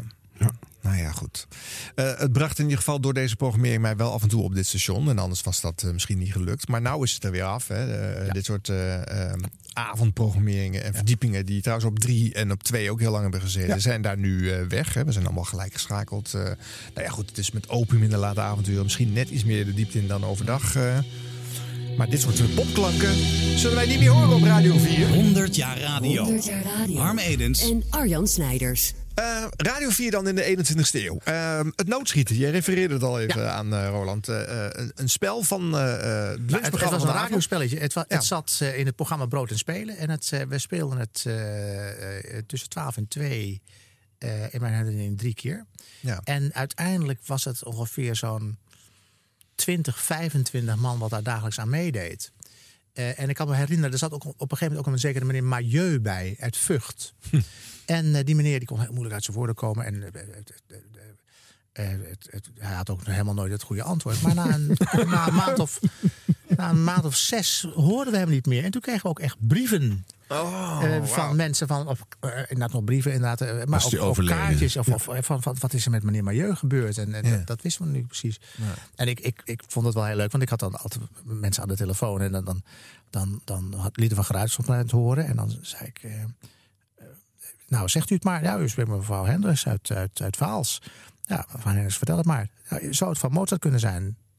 Nou, gaat u eens verder. Nou, zou misschien een stijkkwartet van Mozart kunnen zijn? Jawel. En welk stijkkwartet dacht u dan precies? Nou, dan dacht ik aan het twaalfde stijkkwartet. Zeker. En welk deel daarvan? Nou, dan dacht ik aan het tweede deel. Nou, dat is fout. dat was, dat was, en ik was Klinkt in die tijd ook in mijn familie Ja. veel leuker. Ik kon het allemaal kwijt in dat. Ja. Dus het was een, ook, ook dat was een soort iconisch eh, onderdeeltje daarvan. Waar heel veel mensen. eh, eh, en dan zei ja, maar het zijn altijd dezelfde 30 mensen. Ja, maar er, er werd wel echt heel veel naar geluisterd. Er werd heel veel aan gerefereerd. Ja. dat is de laatste bij Vroege Vogels. Dat je zo'n inbelbroeder. Die had alweer een vogel gezien in de tuin. Die zat ergens Ja. in een klooster. Ja. En die is overleden. Ja. Daar hebben ze een hele speciale uitzending aan Ja. gewijd. Nou, En dat was doen. een Ja. vaste inbeller. Nou, Ja. ik- dit, dat vind ik wel mooi hoor. Ja, ja, is waar. Ja. En zeker als je het altijd fout hebt. Ja. Briljant. Nou, dat noodschieten had een jaarlijkse finale, het NK noodschieten. Eh, ik laat nu wat geluid horen uit eh, 2009. Maartje Stokkers en Hans van der Boom.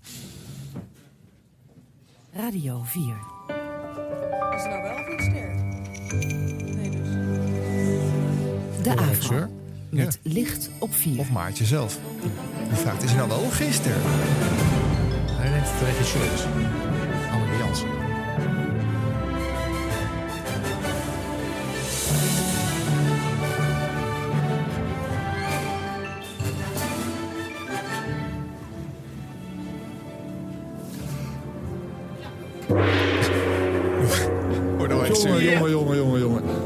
Goedemiddag, dit is het programma Licht op 4 vanaf het Festival Klassiek Terrein, de Avro Festival Tent. En we gaan noodschieten, het Nederlands kampioenschap noodschieten.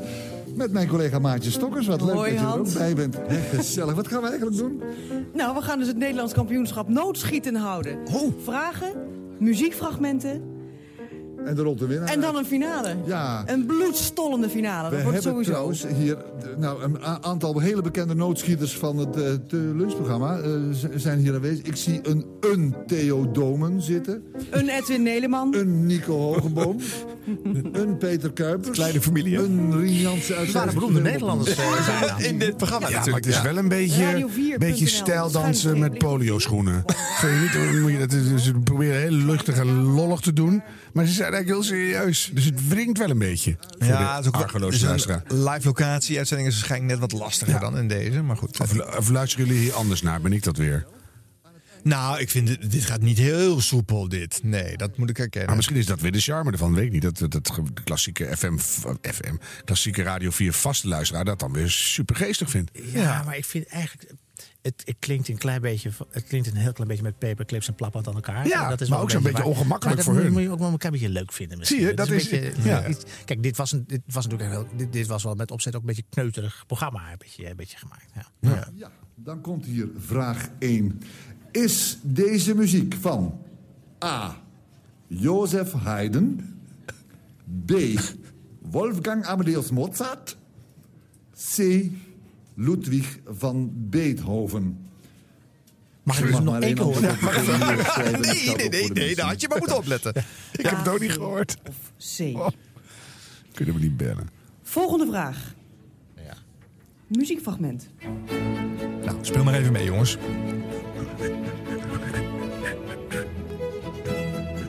Wat zou de vraag zijn? En wat het antwoord? Welk instrument hoor je hier? A. De violoncello. B.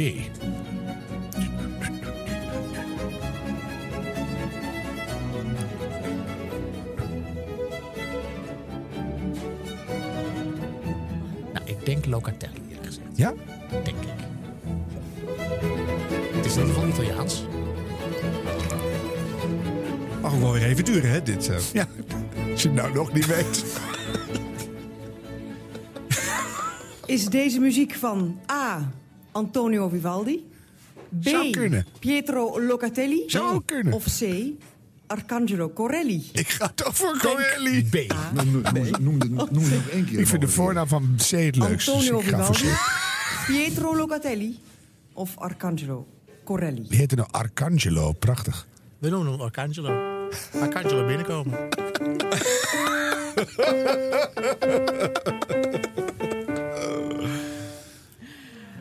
Hoe gaat het verder? Pam, pam, pam, pam, pam, pam, pam. Kijk, goed publiek, hoor. Publiek, Ze zijn ja. super wakker. Is deze muziek van A. Frans Schubert? B. Jozef Haydn? Of C. Wolfgang Amadeus Mozart? A. Frans Schubert? is B. Jozef Haydn? Of C. Wolfgang Amadeus Mozart? Mag ik nog eens zien? Het wordt niks gezegd in het publiek. Nog één keer horen. Dit moet een grap zijn.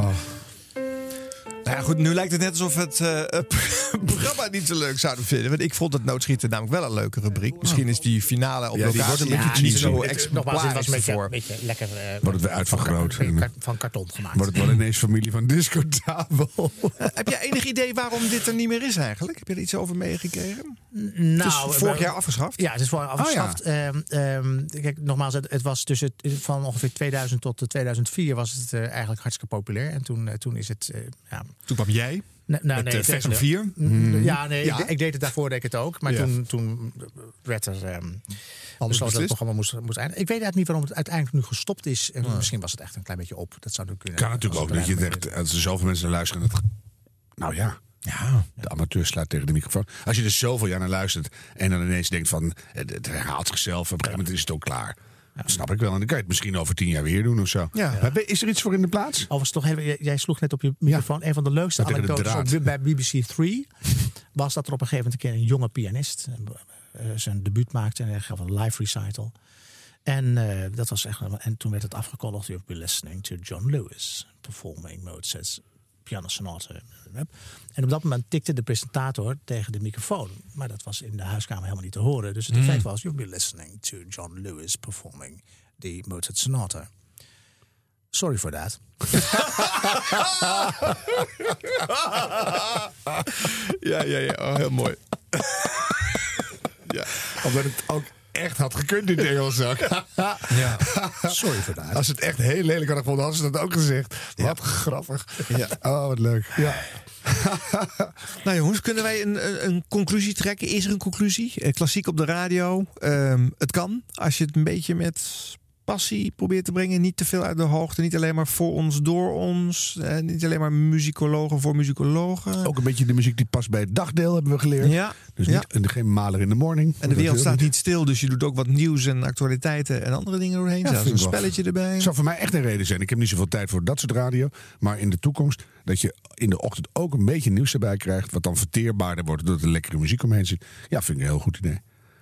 Nou, en vooral straal uit, je hoeft er geen verstand van te hebben om het mooi te mogen vinden. Ja. En je hebt er ook geen verstand van te hebben om het lelijk te mogen vinden. Ja. laat, Nee, het precies. Maar, laat het maar. eh, zoals mijn eh, oude schoonvader, de Timmerman, die gewoon door dat fantastische. En toen begon dat orgel te spreken, helemaal kippenvel. Ja. Daar gaat klassieke muziek over. Ja. En, dat, dat hebben we niet voor niks aangekaart, live hartstikke belangrijk. In, in hoeveel en hoeveel geld er naartoe moet zijn, daar ga ik allemaal niet over. Maar dat, en, en de, tegen de tijd dat ik er ooit tijd voor krijg, dat ik daarna ga luisteren, dan vind ik het hartstikke. Maar we hebben in, in Zutphen drie jaar lang het eh, Internationale Cello Festival mede georganiseerd. Alterneerend met Amsterdam. En dan, dan kwamen ze ook echt van de radio in Zutphen opnames maken. En dan hoorde je later hoeveel mensen je daar een plezier mee deed. Dan denk je, nou ja, dat is toch geweldig als het in zo'n klein pokkenlandje als Nederland dat we dat kunnen hebben. Met zo'n omroepkoor en zo'n orkest. Dat is een enorme rijkdom. Ja. En daar moeten we allemaal eh, van genieten en gebruik van maken. Laten we er een beetje zuinig op zijn. Ja, Ja. Vind ik echt, ja, het klinkt wel heel muziaal, maar ik, vind, ik ben het helemaal met je eens. Ja. Nee. ja. Oké, nou, Ja, mooie conclusie jongens. En dan eh, meer Chopin. Is dat al gezegd? Nu ga jij weer alleen maar voor eigen parochie preken. Ja, dat is het enige waar het leven over Zo gaat. jammer natuurlijk. Ja. Dames en heren, Ronald Kieft. Dankjewel, jongen. Dit is een speciale Radio 4 klassieke muziek concertzender. Enorme aflevering van de 100-jarige podcastgeschiedenis werd u aangeboden door... Jente Kater. Alexander Pulstika. Dat had een Oostenrijkse componist kunnen zijn. Edwin Wendt. Edwin Wendt. Eh, eh, Bart Schutte. Bart Schutte, niet te vergeten. Arjan Snijders. Dirk de Boer. Dirk de Boer. Dat had geen Oostenrijkse componist kunnen zijn. Nee. Nee. En eh, Harm F. Edens. De derde. Ja, die ja. ja. en natuurlijk... eh, Oh, natuurlijk. Altijd klassiek. 100 jaar radio Ja, hoor. wordt gemaakt in samenwerking met www.jingleweb.nl. Het genootschap Radio Jingles and Tunes. En het gekke is, normaal is dat een redelijke tune. Maar nu wordt het ineens na zo'n klassieke uitspatting een kerstjingle. Ja, druk en, en aanwezig en in your face. Ah, even een beetje bijkomen. Zo, stukje Bach. Zeg nog één keer. Tot het volgende rondje. Tot het volgende rondje. Goedemorgen allemaal. Goedemorgen. Iedereen is leuk in de feeststemming, gezellig? Niet waar? Gebak en zo bij de koffie? Mag met een koffie? Ja. Zo hebben ze niet hier. Ik heb weer eens koffie. Nee. Moet je alleen nemen. En ons eigen koffiepotje wel mee mogen nemen. Ja, als je eens eh, uit een automatisch en doen of zo. Oh, dat zou ik. Moet je ook maar niet het zondag beginnen. Daar waren we ook eigenlijk helemaal niet van plan. hè. Dat moest zo nodig. Hé, hey, warm. Hallo, hoe is het? Eerst, het is, ik vond het ontzettend druk hier natuurlijk. Nooit. Zonder al te acht uur. Als je hier morgens komt, is er één auto, weet je wel. En nou barst het van de auto's. Nooit zoveel mensen gezien op Ja, dat is waanzin, hè? Toch wel gezellig, hè? Veronica brengt meteen weer gezelligheid. Ja, ja dat dacht ik wel. Ons kneuterigheid. Hoi, de hand. Hoe is het?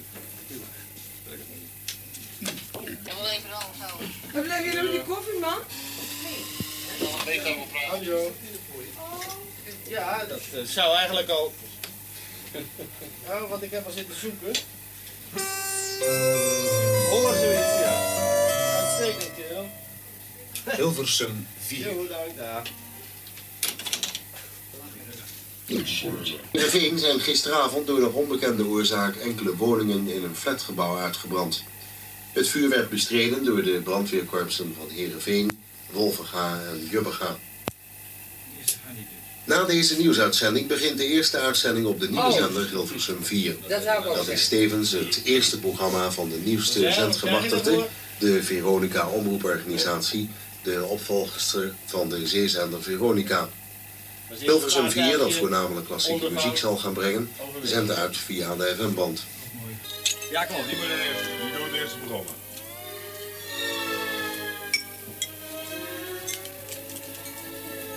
Even dat maar nog een beetje dan.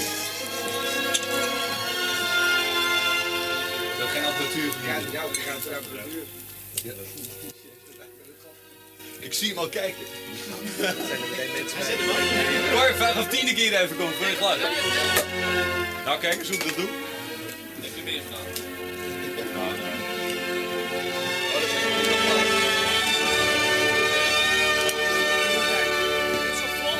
Nou- Er zit nou wat wel in. Dat anders. Hou vast. In dat gat daar. Links. Had je niet zo laf ook aan de champagne? Kom op. Hier ook. Hebben we maar vast. Oh, idioot. Snel, snel, snel. Ja. Oh, het smaakt best lekker. Ja, dat is ochtends zoek. zeg. Ja, ja. Dit is heel, dit is feestelijk. Dit is feestelijk. Op elk begin volgt een einde. Na elk einde ook weer een begin. In die spiraalvormige ontwikkeling bevindt zich ook Veronica. weer verzonnen hebben. Na het afscheid, een lange periode van stilte en nu een nieuw begin. Toch is er een belangrijk verschil tussen toen en nu. En Veronica van toen was een radiostation dat zich eigen normen had gesteld. Voor een belangrijk gedeelte afgestemd op de behoeften van haar luisteraars. De Veronica van nu moet zich houden aan wettelijk gestelde normen. Vastgelegd in de omroepwet.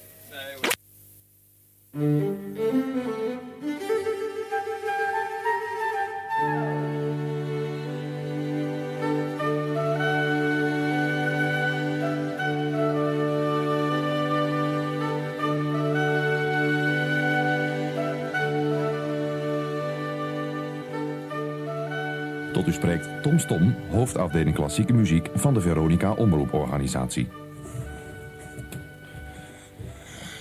Goedemorgen, klassiek vrienden. Het is zover. Hilversum 4, de zender die zoveel klassieke muziek in haar muziek doet, is in de lucht. Dit is een historisch moment waar we wel even bij stil mogen staan. Zo, dat was dat. Ik geef nu het woord aan onze vaste presentator op Hilversum 4, Simon Somber.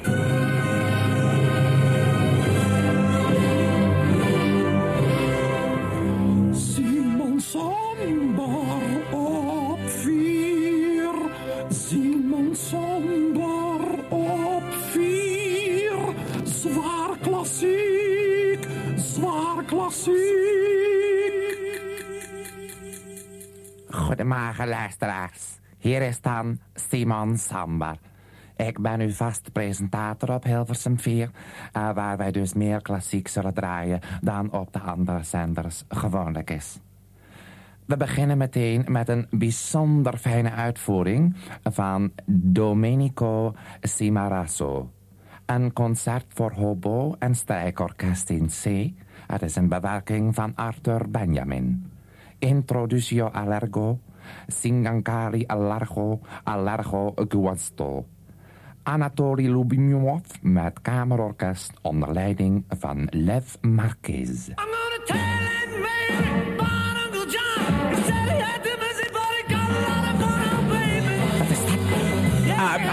Wat belachelijk. Hallo, wilt u onmiddellijk die plaat afzetten? Wat krijgen we noodzaak? Wat is dat voor een troep ineens op Hilversum 4? ha? En is dat gekrees en zo? Wat? Heb ik, wat nou verkeerde hoesje? Heb ik niks mee te maken, verkeerde hoesje? Dan moet je van tevoren uitzoeken dat je het goede normale hoesje opzet. Toch een belachelijke zaak op Hilversum 4, dat gekrees van die ba- ba- ba- ba- battles. Zag iemand me gek te Er staat een goede plaat op. Belachelijk.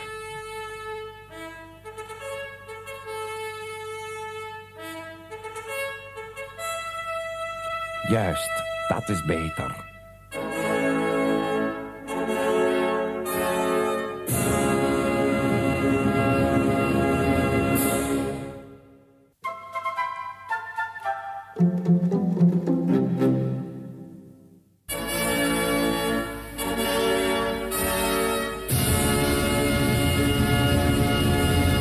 Veronica heeft vrede met de geboorte van een klassieke zender.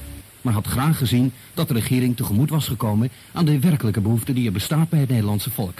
De behoefte aan zo'n specifiek, horizontaal geprogrammeerd en gepresenteerd Veronica-achtig programma.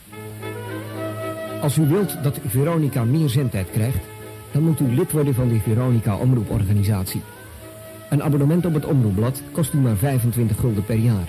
Dat is nog geen twee kwartjes in de week. Maak Veronica groot en word abonnee. Dit moet u doen. Stuur een briefkaart met uw volledige naam en adres naar antwoordnummer 123 in Hilversum. Antwoordnummer 123 in Hilversum.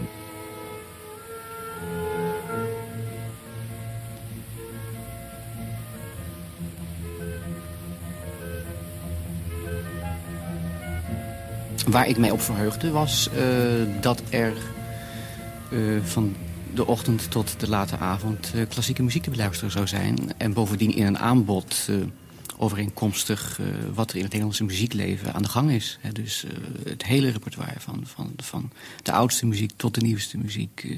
de avant-garde, opera, noem maar op. Jazz ook. Dus het hele scala. Dezelfde vraag aan meneer Vries. Welke hoop bij het begin? Ja, ik heb ook niet aan de wieg gestaan van Hilversum 4. Maar eh, wat ik mij herinner... Want hoe lang doet u uw functie? Eh, drie jaar. Drie jaar. Eh, wat ik mij herinner was dat juist Hilversum 4 een element zou hebben van zenderkleuring. Alleen klassieke muziek. Dat is zeer hoopvol gestart. Maar ik moet zeggen dat eh, in de jaren daarna en ook eh, nog tot niet zo lang geleden... die zenderkleuring niet door elke zendgemachtigde gehonoreerd is. Zodat wat dat betreft eh, een hoop oneigenlijke programmacategorieën nog op de zender 4 eh, aanwezig waren. Dat heeft mij altijd teleurgesteld. Ik had inderdaad eh, gehoopt op een verbetering van de situatie. van Amerongen. Die op neer zou komen dat je als luisteraar niet meer als een flow van zender naar zender, van omroeporganisatie naar omroeporganisatie moest springen. Ik had nu gehoopt op een overzichtelijke, verstandige eh, programmering waarin dat het bestaande een nette plaats kreeg en veel aandacht zou zijn voor, eh, voor eigentijdse stromingen. En ik had eigenlijk gehoopt dat eh, men in dit geval eindelijk de muziek zou laten domineren... en het woord de bescheiden functie zou verlenen die het op zo'n zender eh, hoort te hebben. Maar ik herinner me nog heel goed de eerste dag dat er werd uitgezonden. Ik viel midden in een programma waarin eh Cor de Groot uitgebreid aan het uitleggen was. En dan nam, je echt de tijd voor dat je Brahms eigenlijk alleen maar door het Noord-Duitse symfonieorkest moest laten uitvoeren. Want dat kwam dus uit Hamburg en eh, Brahms komt dus ook uit Hamburg. En toen dacht ik, ja, dat gaat mis. Niet alleen zijn de schildermeters onder ons, maar ook de kwetsmeijers. Dat is dus de volgende tien jaar uitgebreid gebleken. Ah, Han Reizer gearriveerd. Mijn verwachtingen op dat moment ehm, waren ehm, in de richting toch van een, eh, een zender die eh, heel duidelijk, eh, zoals we ooit eens het idee hebben gehad bij Hilversum 3, een, een vrij goede horizontale programmering in de toekomst zou geven op een gegeven moment, zodat het een heel duidelijk herkenbaar pakket zou zijn, muziek vanaf de vroege ochtend tot de late avond. Je weet dat we toen helemaal nog niet tot s'nachts 12 uur uitzonden, maar 5 uur moesten we ophouden, wat we alweer belachelijk vonden natuurlijk, want een klassieke zender tot 5 uur, terwijl er s'avonds een heel gespecialiseerd publiek is. Maar onze hoop was toen eigenlijk meteen, we willen er een volwaardige zender van maken. Dat was het allereerste wat we wilden, vanaf 7 uur s ochtends tot 12 uur s'nachts. En dat eh, is gerealiseerd en nu hebben ze er weer mooi een uurtje afgeknabbeld natuurlijk. Maar dat was het eerste, het eerste gevecht dat we aan zijn gegaan eigenlijk, om die zender volwaardig te maken. Maar volwaardig in termen van uren. Van uren en, en daarna pratend over de programmering in de werkgroep muziek natuurlijk. Maar dat is natuurlijk nooit zo geweldig van de grond gekomen. Hoe vaak per week kun je niet van alle componisten die er gedraaid worden... die geboorte- en sterftejaar uit je hoofd gaan zitten leren? Dan geeft het is natuurlijk een soort ritueel hè, van weer eh, die, die getallen... En dat heeft een, een, een hele kennelijk geruststellende werking. Net zoals voetbaluitslagen of zo. Maar het is natuurlijk toch te gek dat daar een, een, een, een jaar in jaar uit... je hoort wanneer Mozart geboren is. En twee Linische symfonieën vlak achter elkaar of zelfs drie keer eh klarinetconcert een paar weken geleden. Drie keer op één dag, dezelfde zender. En dat soort dingen mogen toch niet voorkomen. Hilversum 4 is nu tien jaar lang eh, een soort eh, speeltuin geweest van ongeïnteresseerde omroeporganisaties. Die, omdat dat ding er gekomen is en omdat ze de omroepwet achter zich hebben staan, daar dus wat mee doen.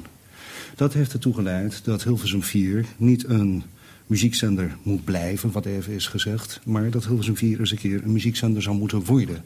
En zou je van Hilversum 4 een muziekzender willen maken, dan zul je dus eerst een plan moeten maken waar het repertoire een belangrijke rol speelt, waar eh, het publiek wat je wilt bereiken een belangrijke rol gaat spelen. En dat kan natuurlijk niet als je per dag en soms drie keer per dag eh, die zender weer eens aan iemand anders moet toevertrouwen die zonder enig overleg met eh, zijn concurrent daar iets met die omroep aan het, met, met, met die muziekzender aan het doen is. Dus ik bedoel, ik vind eerlijk gezegd dat het niet alleen heel slecht is en heel betreurenswaardig. Ik vind het een grenzeloze verspilling. En om nu dus leuke plannetjes te gaan zitten verzinnen, dat het met van 7 tot 8 weer terugkomen, of met of zonder eh, aankondiging, of dat het wel of niet educatief gaat worden. Ik vind Hilversum 4 onder de huidige omstandigheden, beschermd door de omroepwet en met de laatste uitspraak van minister Brinkman, echt een treurige, hopeloze zaak waarbij ongelooflijk veel talent en geld voortdurend verspild wordt. Maar en waarbij Hilversum proberen- 4 op geen enkele wijze, ge, laten we zeggen, gestalte geeft aan de belangrijkheid bijvoorbeeld van het Nederlandse muziekleven. Zo heel af en toe, Hans Onno, dan hoor ik iets wat ik prachtig vind. Natuurlijk, wat ik schitterend vind. Maar eh, drie minuten later blijk ik naar de NCRV te luisteren en begint eh, de hoogtezon dominee te ouwe Eh, een andere keer luister ik naar iets, maar omdat het dan 12 uur is geworden, dan moet er opeens weer Strauss en Co. komen. Of moet er weer op eh, de lunch of op een hoorspel. Of, ik bedoel, ik erger me mateloos aan het feit, en dat, dat vergalt mij ook het luisteren, dat het, je zou bijna kunnen zeggen, moedwillig slecht en middelmatig is. Er is geen lijnen, er wordt geen enkele poging ondernomen om daar een attra- attractieve, met, met spanning en met, met, met, met inzicht eh, geprogrammeerde muziekzender van te maken. Ik bedoel, we kunnen praten, is het de culturele zender, is het de muziekzender. Het is gewoon een zender van niks, waar omroeporganisaties met de wet beschermd plaatjes opdraaien of bandjes afspelen.